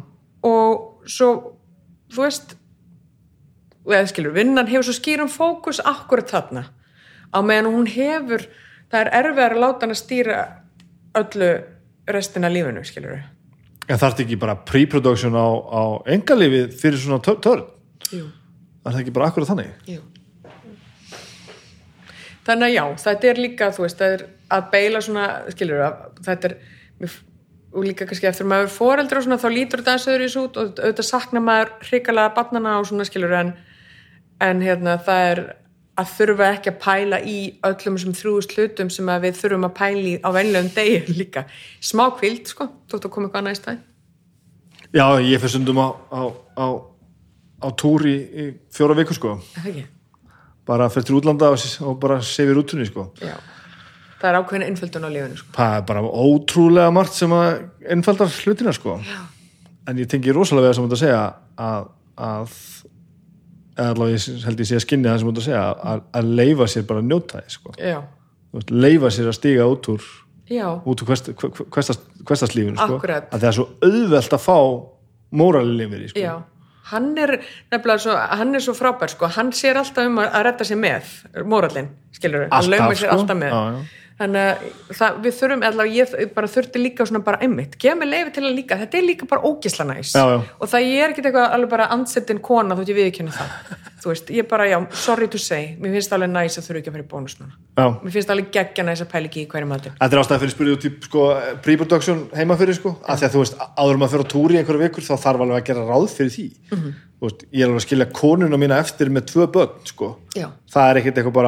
það það, það, gerist ekkert bara af því að sko. það þarf alveg að hafa hlutur í lagi Já.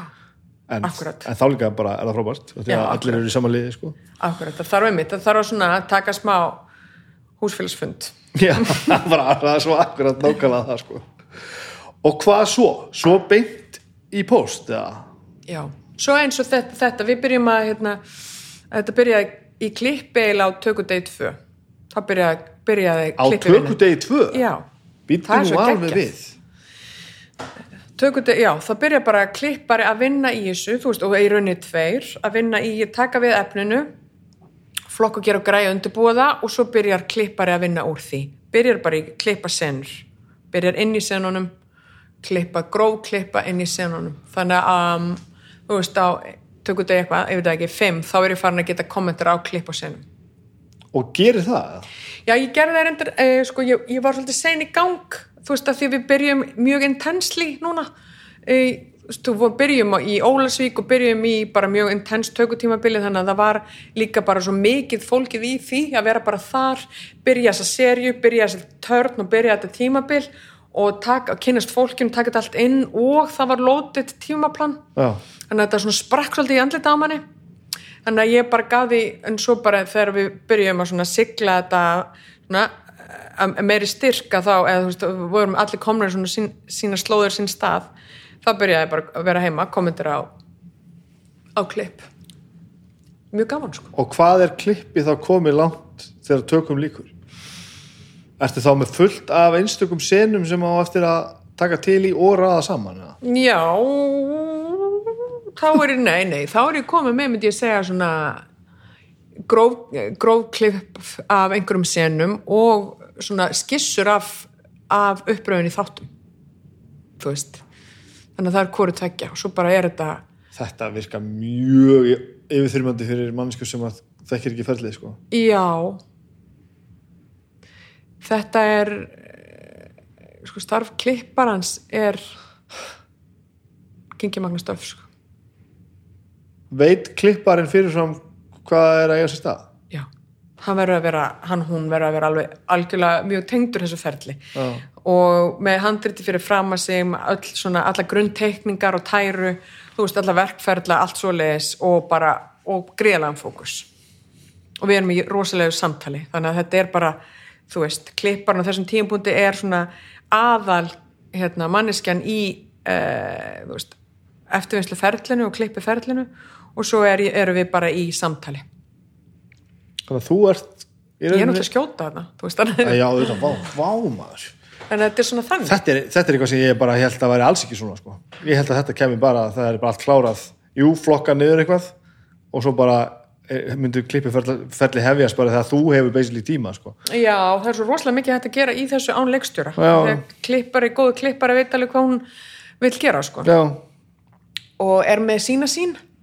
sem er líka gaman og mikilvægt að fá að blómstra þú veist, er bara þú sést ekkert að fokka í því sem að já, í Já. rauninni sko, ég held að ég bara áður fyrir var ég held ég of mikið uppáþrengjandi í klippuferlinu og ég hef verið í setni tíð að reyna að vera stíga meira til hliðar og uh, leifa þú veist, leifa þeim líka að blómstra betur í rauninni með það og vera ekki eitthvað sósa mig líka að veist, og það var náttúrulega ykt hérna, dæmi núna því að svo kom COVID í þessu ferli eh, alltaf uppreglulega tvisvar.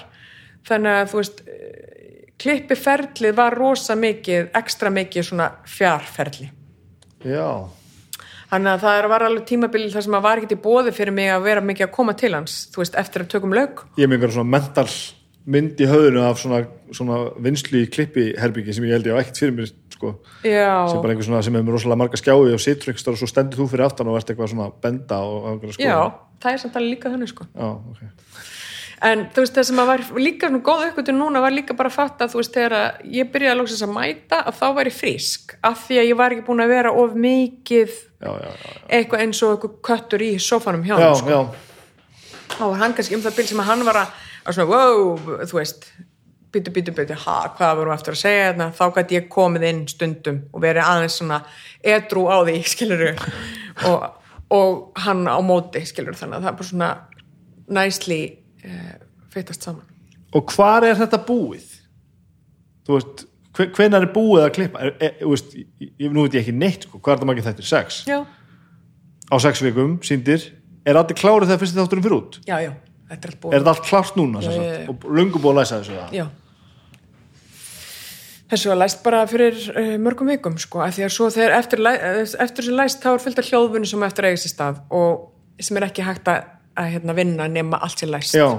Sem að þú hérna, uh, getur ekki opnað. Þú veist, það er bara mjög svona mikil heilagleiki fólkin í hugtækinu læsing, þú veist, hjá okkur alltaf. Já, Þannig að þá er fyllt af uh, hljóðvinnu, hljóðmixi sem eftir að eiga sér stað og litgreiningu. og hefur þú eitthvað með það að gera? Já. Ég veit ekki okkur að spyrja, sko. Já, það er þannig. En, veist, en samt sem aður, bara- þá erum við komin líka, þá er ég meira svona algjörlega á kantinum, þú veist, ég kann ekki að litgreina, Nei. skilur, ég get aldrei setið þarna og gert þetta með puttunum sem þeir gera En þær. þarna ertu basically að passa upp á að þetta sé ekki eitthvað sem þú vilt ekki. Já, og þetta sé, þú veist, e, þetta sé, sé eins gott og ég held að þetta þurfa að vera og ekki ekki gott, ok, gott er ekki gott orð, þetta sé, þú veist, í karakter, í áttina, Já, já. þú veist, og ég, og þarna er hérna talandi um smáatriða gríni sem vorum að tala um á hérna áttundu trommu í, í eða hvernig orðað er það, sko, Akkurat. þarna fer ég bara þarna kviknar á mínum Já, já.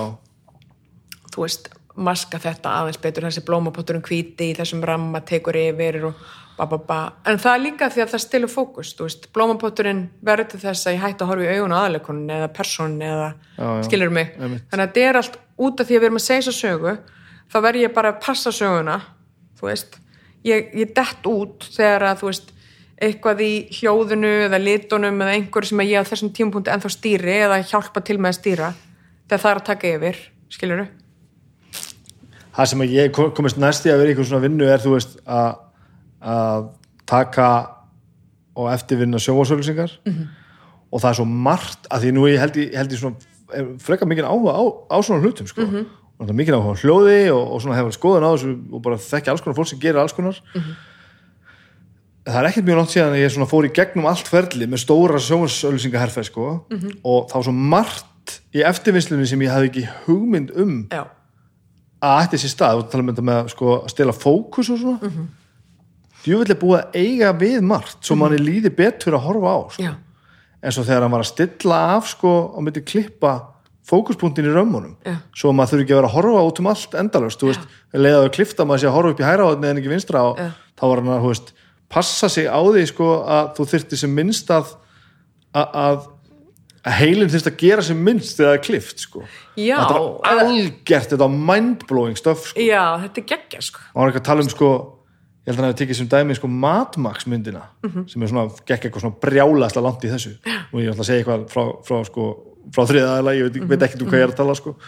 Að það sé basically þannig að þú þurfir aldrei að reyfa augun sko, nema bara svona með því sem er að gerast gerast í rammanum sko, Já, já, svo ef það er klift þá varstu hvort þið er að horfa aðalatriði sem Ah. byrtist þar sko. Já, já, já. og það á bara að vera eitthvað svona og, og ég á einhver tíu myndur á Madmax aftur til að tekka á þessu. Mhm. og ég er alltaf svo sem sá þetta ekkert nema bara svona að því að búið að benda mér á þetta og kannski var ég að ímynda mér eitthvað. En ég fattaði samt hvað hann átti við sko. Og svo var ég að horfa á hann einmitt sko klippa og þetta er alltaf svona snappi ölsingu með, með fullt af personum Mhm. og þú horfir alltaf í augun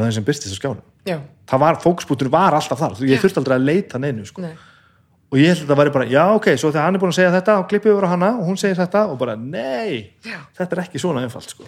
Nei, og þetta er einmitt, og svo er þetta líka, þetta er eitthvað svona, ég held að þetta sé, uh, þetta er ekki endilega heilin þurfi ekki að hafa, þú veist, fyrir því, ég held að sé líka bara að, að hlutindi flæði, augað eh, sé leitt svona vinsamlega áfram, skiluru, og þú veist, þetta er líkara tónlist, hvernig þú, einhvern veginn, þetta er mjög líkt held ég, þetta er bara svona að það fari bara eins og alda eða nátt, taki svona náttúrulegan kúrs einhvern veginn, ég held að sé rosa mikil náttúra í þessu í ra- rauninni sko, hvernig þetta eiga þú veist, hvernig, hvernig við erum leitt áfram.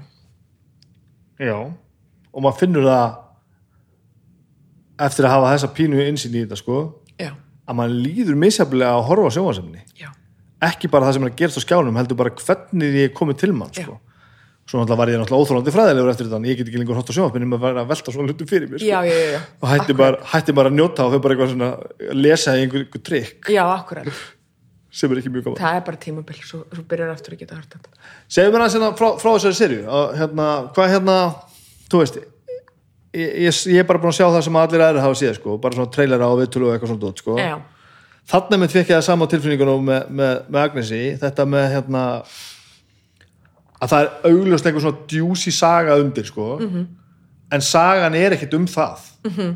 nú ætla veit ég ekki neitt sko, en, en það er það sem að kveikt í mér að langa til að horfa á þetta sko, af því að ég hef til dæmis, ég hef engan tolerans fyrir einhver svona krimmadóti sko, ég bara ef það er einhver saga sem að fer frá A og fer svo í gegnum, gegnum allt stafur og það endar einhver stafur á Ö bara til þess að þú veist leysa úr einhverju plotti sem að búið til Já. ég hef engan Nei, mér líður alltaf bara eins og þetta sé einhver saga sem ég hef getað búið til sjálfur og ég skil ekki akkur ég að vera að hlusta á einhvern annan gera það Já, já, eftir sínu höfði sko. en um leiðu að komið þetta í þetta að ég er farin að sjá bara að þetta sem þessi upplifið þetta sem ég gerði eins og Já. versus þessi, sem, sem þessi sagði og þessi áhrif sem þetta hefur og þegar þú setur tómi mjölkuförninu aftur inn í ískap sko, eins og ég Agnes í djói sko. Það er svo, þú veist, þú veist það, það er þarna sem ég að, nenn að fara að horfa sko. Ég veit það, nei, ég tengi bara 200p, þetta skiptir öllu fyrir mig. Ég bara, þessi litlu sönnu moment Já. eru allt. Og hérna uh, þetta, þessi seria er, hún er hérna, það er algjörlega nálgunin á þetta verk, Sistrabönd, þú veist, hún er hérna, uh, bara í fyrsta þætti, þetta er ekki spoiler af því ég held að allir viti þetta sem hafa séð eitthvað trailer á þessu eða eitthvað, en veist, þetta er byggt á, uh, þetta fjallar um konur sem að hafa framið glæp -hmm. í fortíðinni. Sem börn bara, það ekki? Jú. Og en þetta fjallar samt mikið meira um hvernig þeim gengur eða gengur ekki að, að lifa með það í bakbókanum skilur og Við, og það er mikið einmitt, það eru svona skoða einmitt talandi um, sko, bara í gegnum svona, þú veist, og þar, þar sem er að gaman líka að sjá hvar, hvar finn ég fyrir áfallastreitur öskunni, skiluru, og hvar finn ég fyrir sektinni og, hvar, og hérna vannlíðaninni og innilokunkendinni sem þetta hlýtur að vera, skiluru. En að því að ég til dæmis, Silja, hef ekki frami risastóra Nobelsklæpi í fortíð minni sem betur fer, þá verð ég einhvern veginn að tengja og við verðum öll sem að eigum ekki þá reynslu en eigum reynslu, skiluru, við verðum einhvern veginn að geta tappað inn og hvernig lítur það út, þú veist, svo verða það að lifna við. Þannig að það er einhvern veginn svona, fyrir mér aðal málið, bara... Uh, og höfum málið í, í sko nálgunni á systrabönd er líka bara uh, ekki endilega við þurfum að hafa sympatíu með þessu og skilja og, og hérna fyrirgefa þeim heldur að að varpa ljósi á að þú veist, við gerum ekki við fremjum ekki vonda hluti í ykkur tómi oftast, skilur við, við erum afurð kynnslóðan okkar. Já, og við erum í skugga þeirra stundum. Og þessar konur og það var kannski svona bara er aðal málið fyrir okkur og, og okkur sem höfunda og, og höfundana og mig sem leikstur og svo leikarana og leikkonunnar að skoða það að þær koma úr einhvers konar, þetta er náttúrulega aldrei sagt eða sínt, en þú veist, þetta er eitthvað sem við höfum haft baka eira, það er eitthvað síktur jarðvegur sem býr til uh, þú veist, lífverur sem, að, sem að eiga bátt það er alltaf eitthvað veist, það eru orsök og afleðingar á því hvernig, veist, við, við hérna, beitum sjaldan ofbeldi nefnum að við höfum þurft að upplifa það sjálf. Við, hérna, við beitum oft uh, tækjum og tólum og höfum verkfæri sem okkur eru sett, í hendunar á okkur. Þannig að við erum svona mikið að skoða þetta út frá einhverju þannig. Það er svona, undirtekstin er kannski svona pælingarnir okkar og svo þú veist, byrtist það í pínleitlum hlutum sko. Þarna hlýtur að þurfa að taka hverja einustu personu, hverja einustu aðstæður og fara mjög grundigt í að velta fyrir hver viðbröðin eru. Ég meina, þetta verður mjög hratt vantarlega frekar svona unbelievable þú veist, maður, maður hættir að trúa þessu um leið og einhver, einhver persóna fer á spórinu, meira heldur kannski með margt annað. Já, einmitt. Algjörlega og það og líka svo meðutundum að við erum samt, þú veist, það er allt þetta sem ég var að segja en svo erum við líka öll alveg bara brjálæslega ólík í því hvernig hérna uh, hvernig við dílum með okkar fortíð eða það sem við lendi í einmitt. þannig en allt er þetta, þú veist, við erum öll það, þær eru svona gott dæmi um að vera með svona hérna uh, þú veist, óheilbrið verkfæri uh, þú veist, sem öll koma til út af svollu, sko þú veist, En svo verður við náttúrulega líka, þú veist, eins og ég er að tala um þetta, ég nenni ekki svona línulegum frásögnum sem að einhvern veginn, en það verður náttúrulega að vera eitthvað faratæki, sagan verður náttúrulega að vera um eitthvað. já einmitt En þetta er greinlega, það er ekki drifkrafturinn eða eitthvað. Er það kannski bara hlifið lið? Ég held að þetta sé hlifið hlið. Uh, ég, svona, ég held eins og þessa, mér finnst þetta svolítið, uh, ég hlakka til af að heyra hérna, viðbröðum við þessu. Vegna þess að ég, þetta er svona einmitt, þetta er kannski spennu, þetta er ekki spennu þáttur en þetta er spennu í þessu. Og en spennan í þessu held ég sé líka voða mikið með sko gagvart tilfinningum persóna, gagvart því sem það gerði. Þú veist, ég held að Já. spennan sé svolítið þar. Að það er eitthvað slow burn element í þessum þáttum og ég átta mikið á því þú veist hvenar hvenar hann nærði þér þú veist hvenar Hvenar þú ert komin á vagnin ég held alveg að það sé einhver sem er bara strax í öðrum þættu komin og bara "Ah, I'm on board. En svo held ég líka að það sé einhverju aðri sem kom ekki þú veist hann sé hvenar þú, þú húkast alveg sko, ég átta mikið á því hvenar það gerist af því að þetta er ekki, ekki alveg alveg venjulegt með það. Það fer eftir, ég held að fari rosalega mikið eftir fólki. Minn litli heili einhvern veginn virkar þannig að ég hef nú þegar fullan tolerans fyrir að prófa að horfa á þetta, af því að ég veit ég er búin að sjá nógu mikið til þess að finna það að þetta er að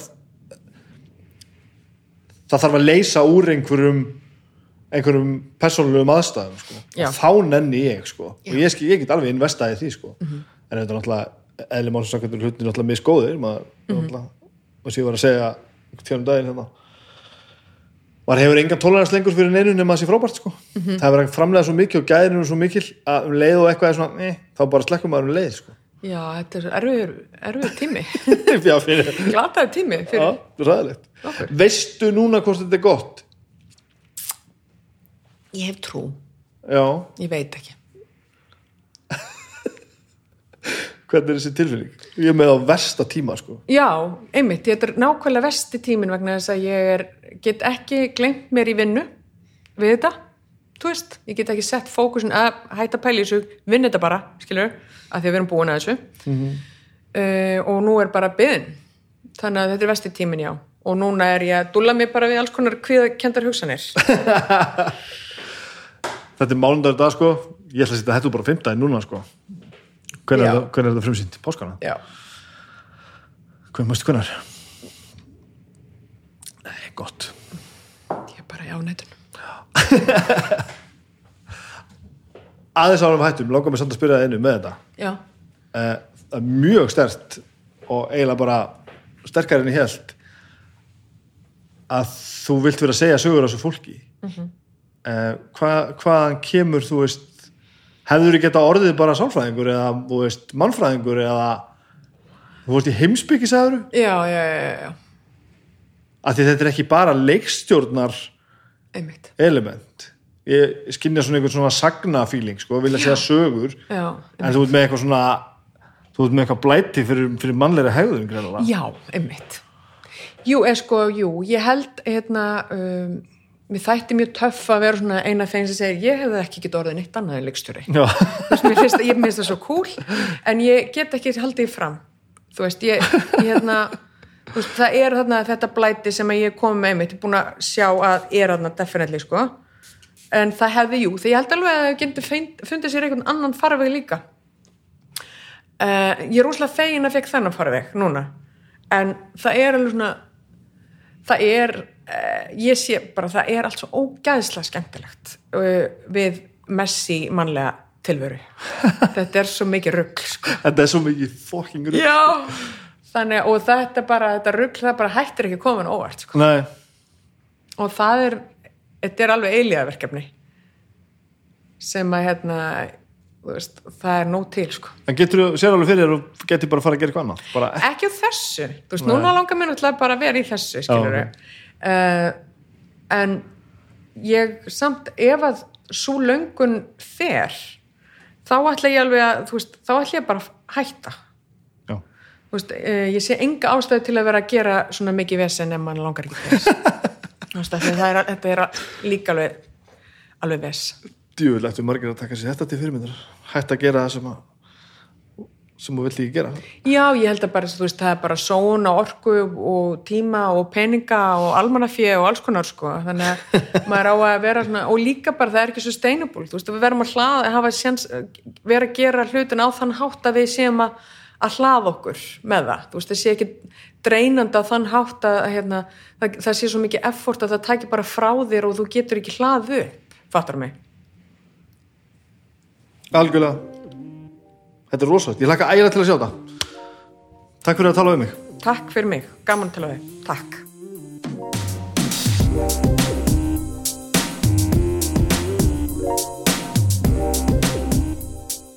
Ég og Silja Hauks hérna við eldurborið, ég er að vera búið með kaffið. Skól bollanum, það á eftir að endast minu brúsanum í allan dag, það er nú þannig það er nú þannig. Þetta verður skemmtileg vika framöndan ég ætla ekki að segja ykkur frá henni fyrirfram því fáið bara að heyra um næstu helgi hvernig þetta er allt saman, ég get sagt samt sagt ykkur það um næstu helgi, ekki um næstu helgi bara eftir viku, ég get samt sagt ykkur það að það verður ekki Dungeons Dragons spilakvöld hjá mér þessa vikuna eins og, eins og vantir vegna þess að við erum að fara allur helvítishópurinn í bústað yfir alla, alla næstu helgi að spila Dungeons and Dragons myrkrana á milli eða kannski, kannski dagspyrtunar á milli að sjá hvernig við stem- stemmum þetta af. Þannig að það verður frekar áhugavert gott og gaman. Verður frekar áhugavert gott og gaman og ég hef eftir að geta sagt marga sögur. Við erum að, það er búið að við erum búin að senda mikið að skilabóðum og tala mikið saman um það hvort að við erum að láta vaða á þetta að gera pröfu þátt um að, uh, að roleplaya gera að hlað, roleplay hlaðvarp Dungeons and Dragons við að spila og gefa það út sem einhvers konar hlaðvarp hvort sem það er hljóð og mynd eða bara hljóð. Um, sendiði mér endilega skilabóð ef að þið ykkar sem að haldið þið myndu hlusta. Þetta er mikil pródusjón og við erum bara hreinlega að kanna í arvegin hvort að fólk myndi, myndi hvort að fólk myndi hérna bara veita þessu ykkur aðtikli við ætlum ekki að gera þetta ætlum ekki að við, við, erum nó, já, við ætlum ekki að, að breyta þessum heilugu stundum okkar ef að enginn enni svo hlusta skulum við segja. Þannig er það. Eitt í viðbót eh, heimsóknir hot hljóðfarahúsins gestur minn, mars gestur minn við reynum að gera þetta eins og í mánuði eh, þetta var síðasta mánudag, fariði og tekja á fucking brestur í, í, í hljóðinu, heyrðu þetta? Kemur svona smá smellur. Ok, ég hef kannski átt að hafa smá aðdraðanda þessu ok, ég ætla að byrja upp á nýtt.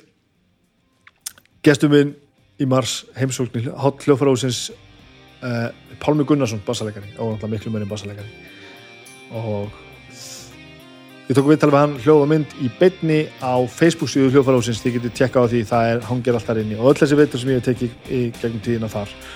Annars bara takk fyrir að vera með mér Reykjavík Rósters, Bónus og Sómi takk þið fyrir að hlusta. Við skulum gera þetta aftur eftir viku. Þetta er svona blúsandi gaman.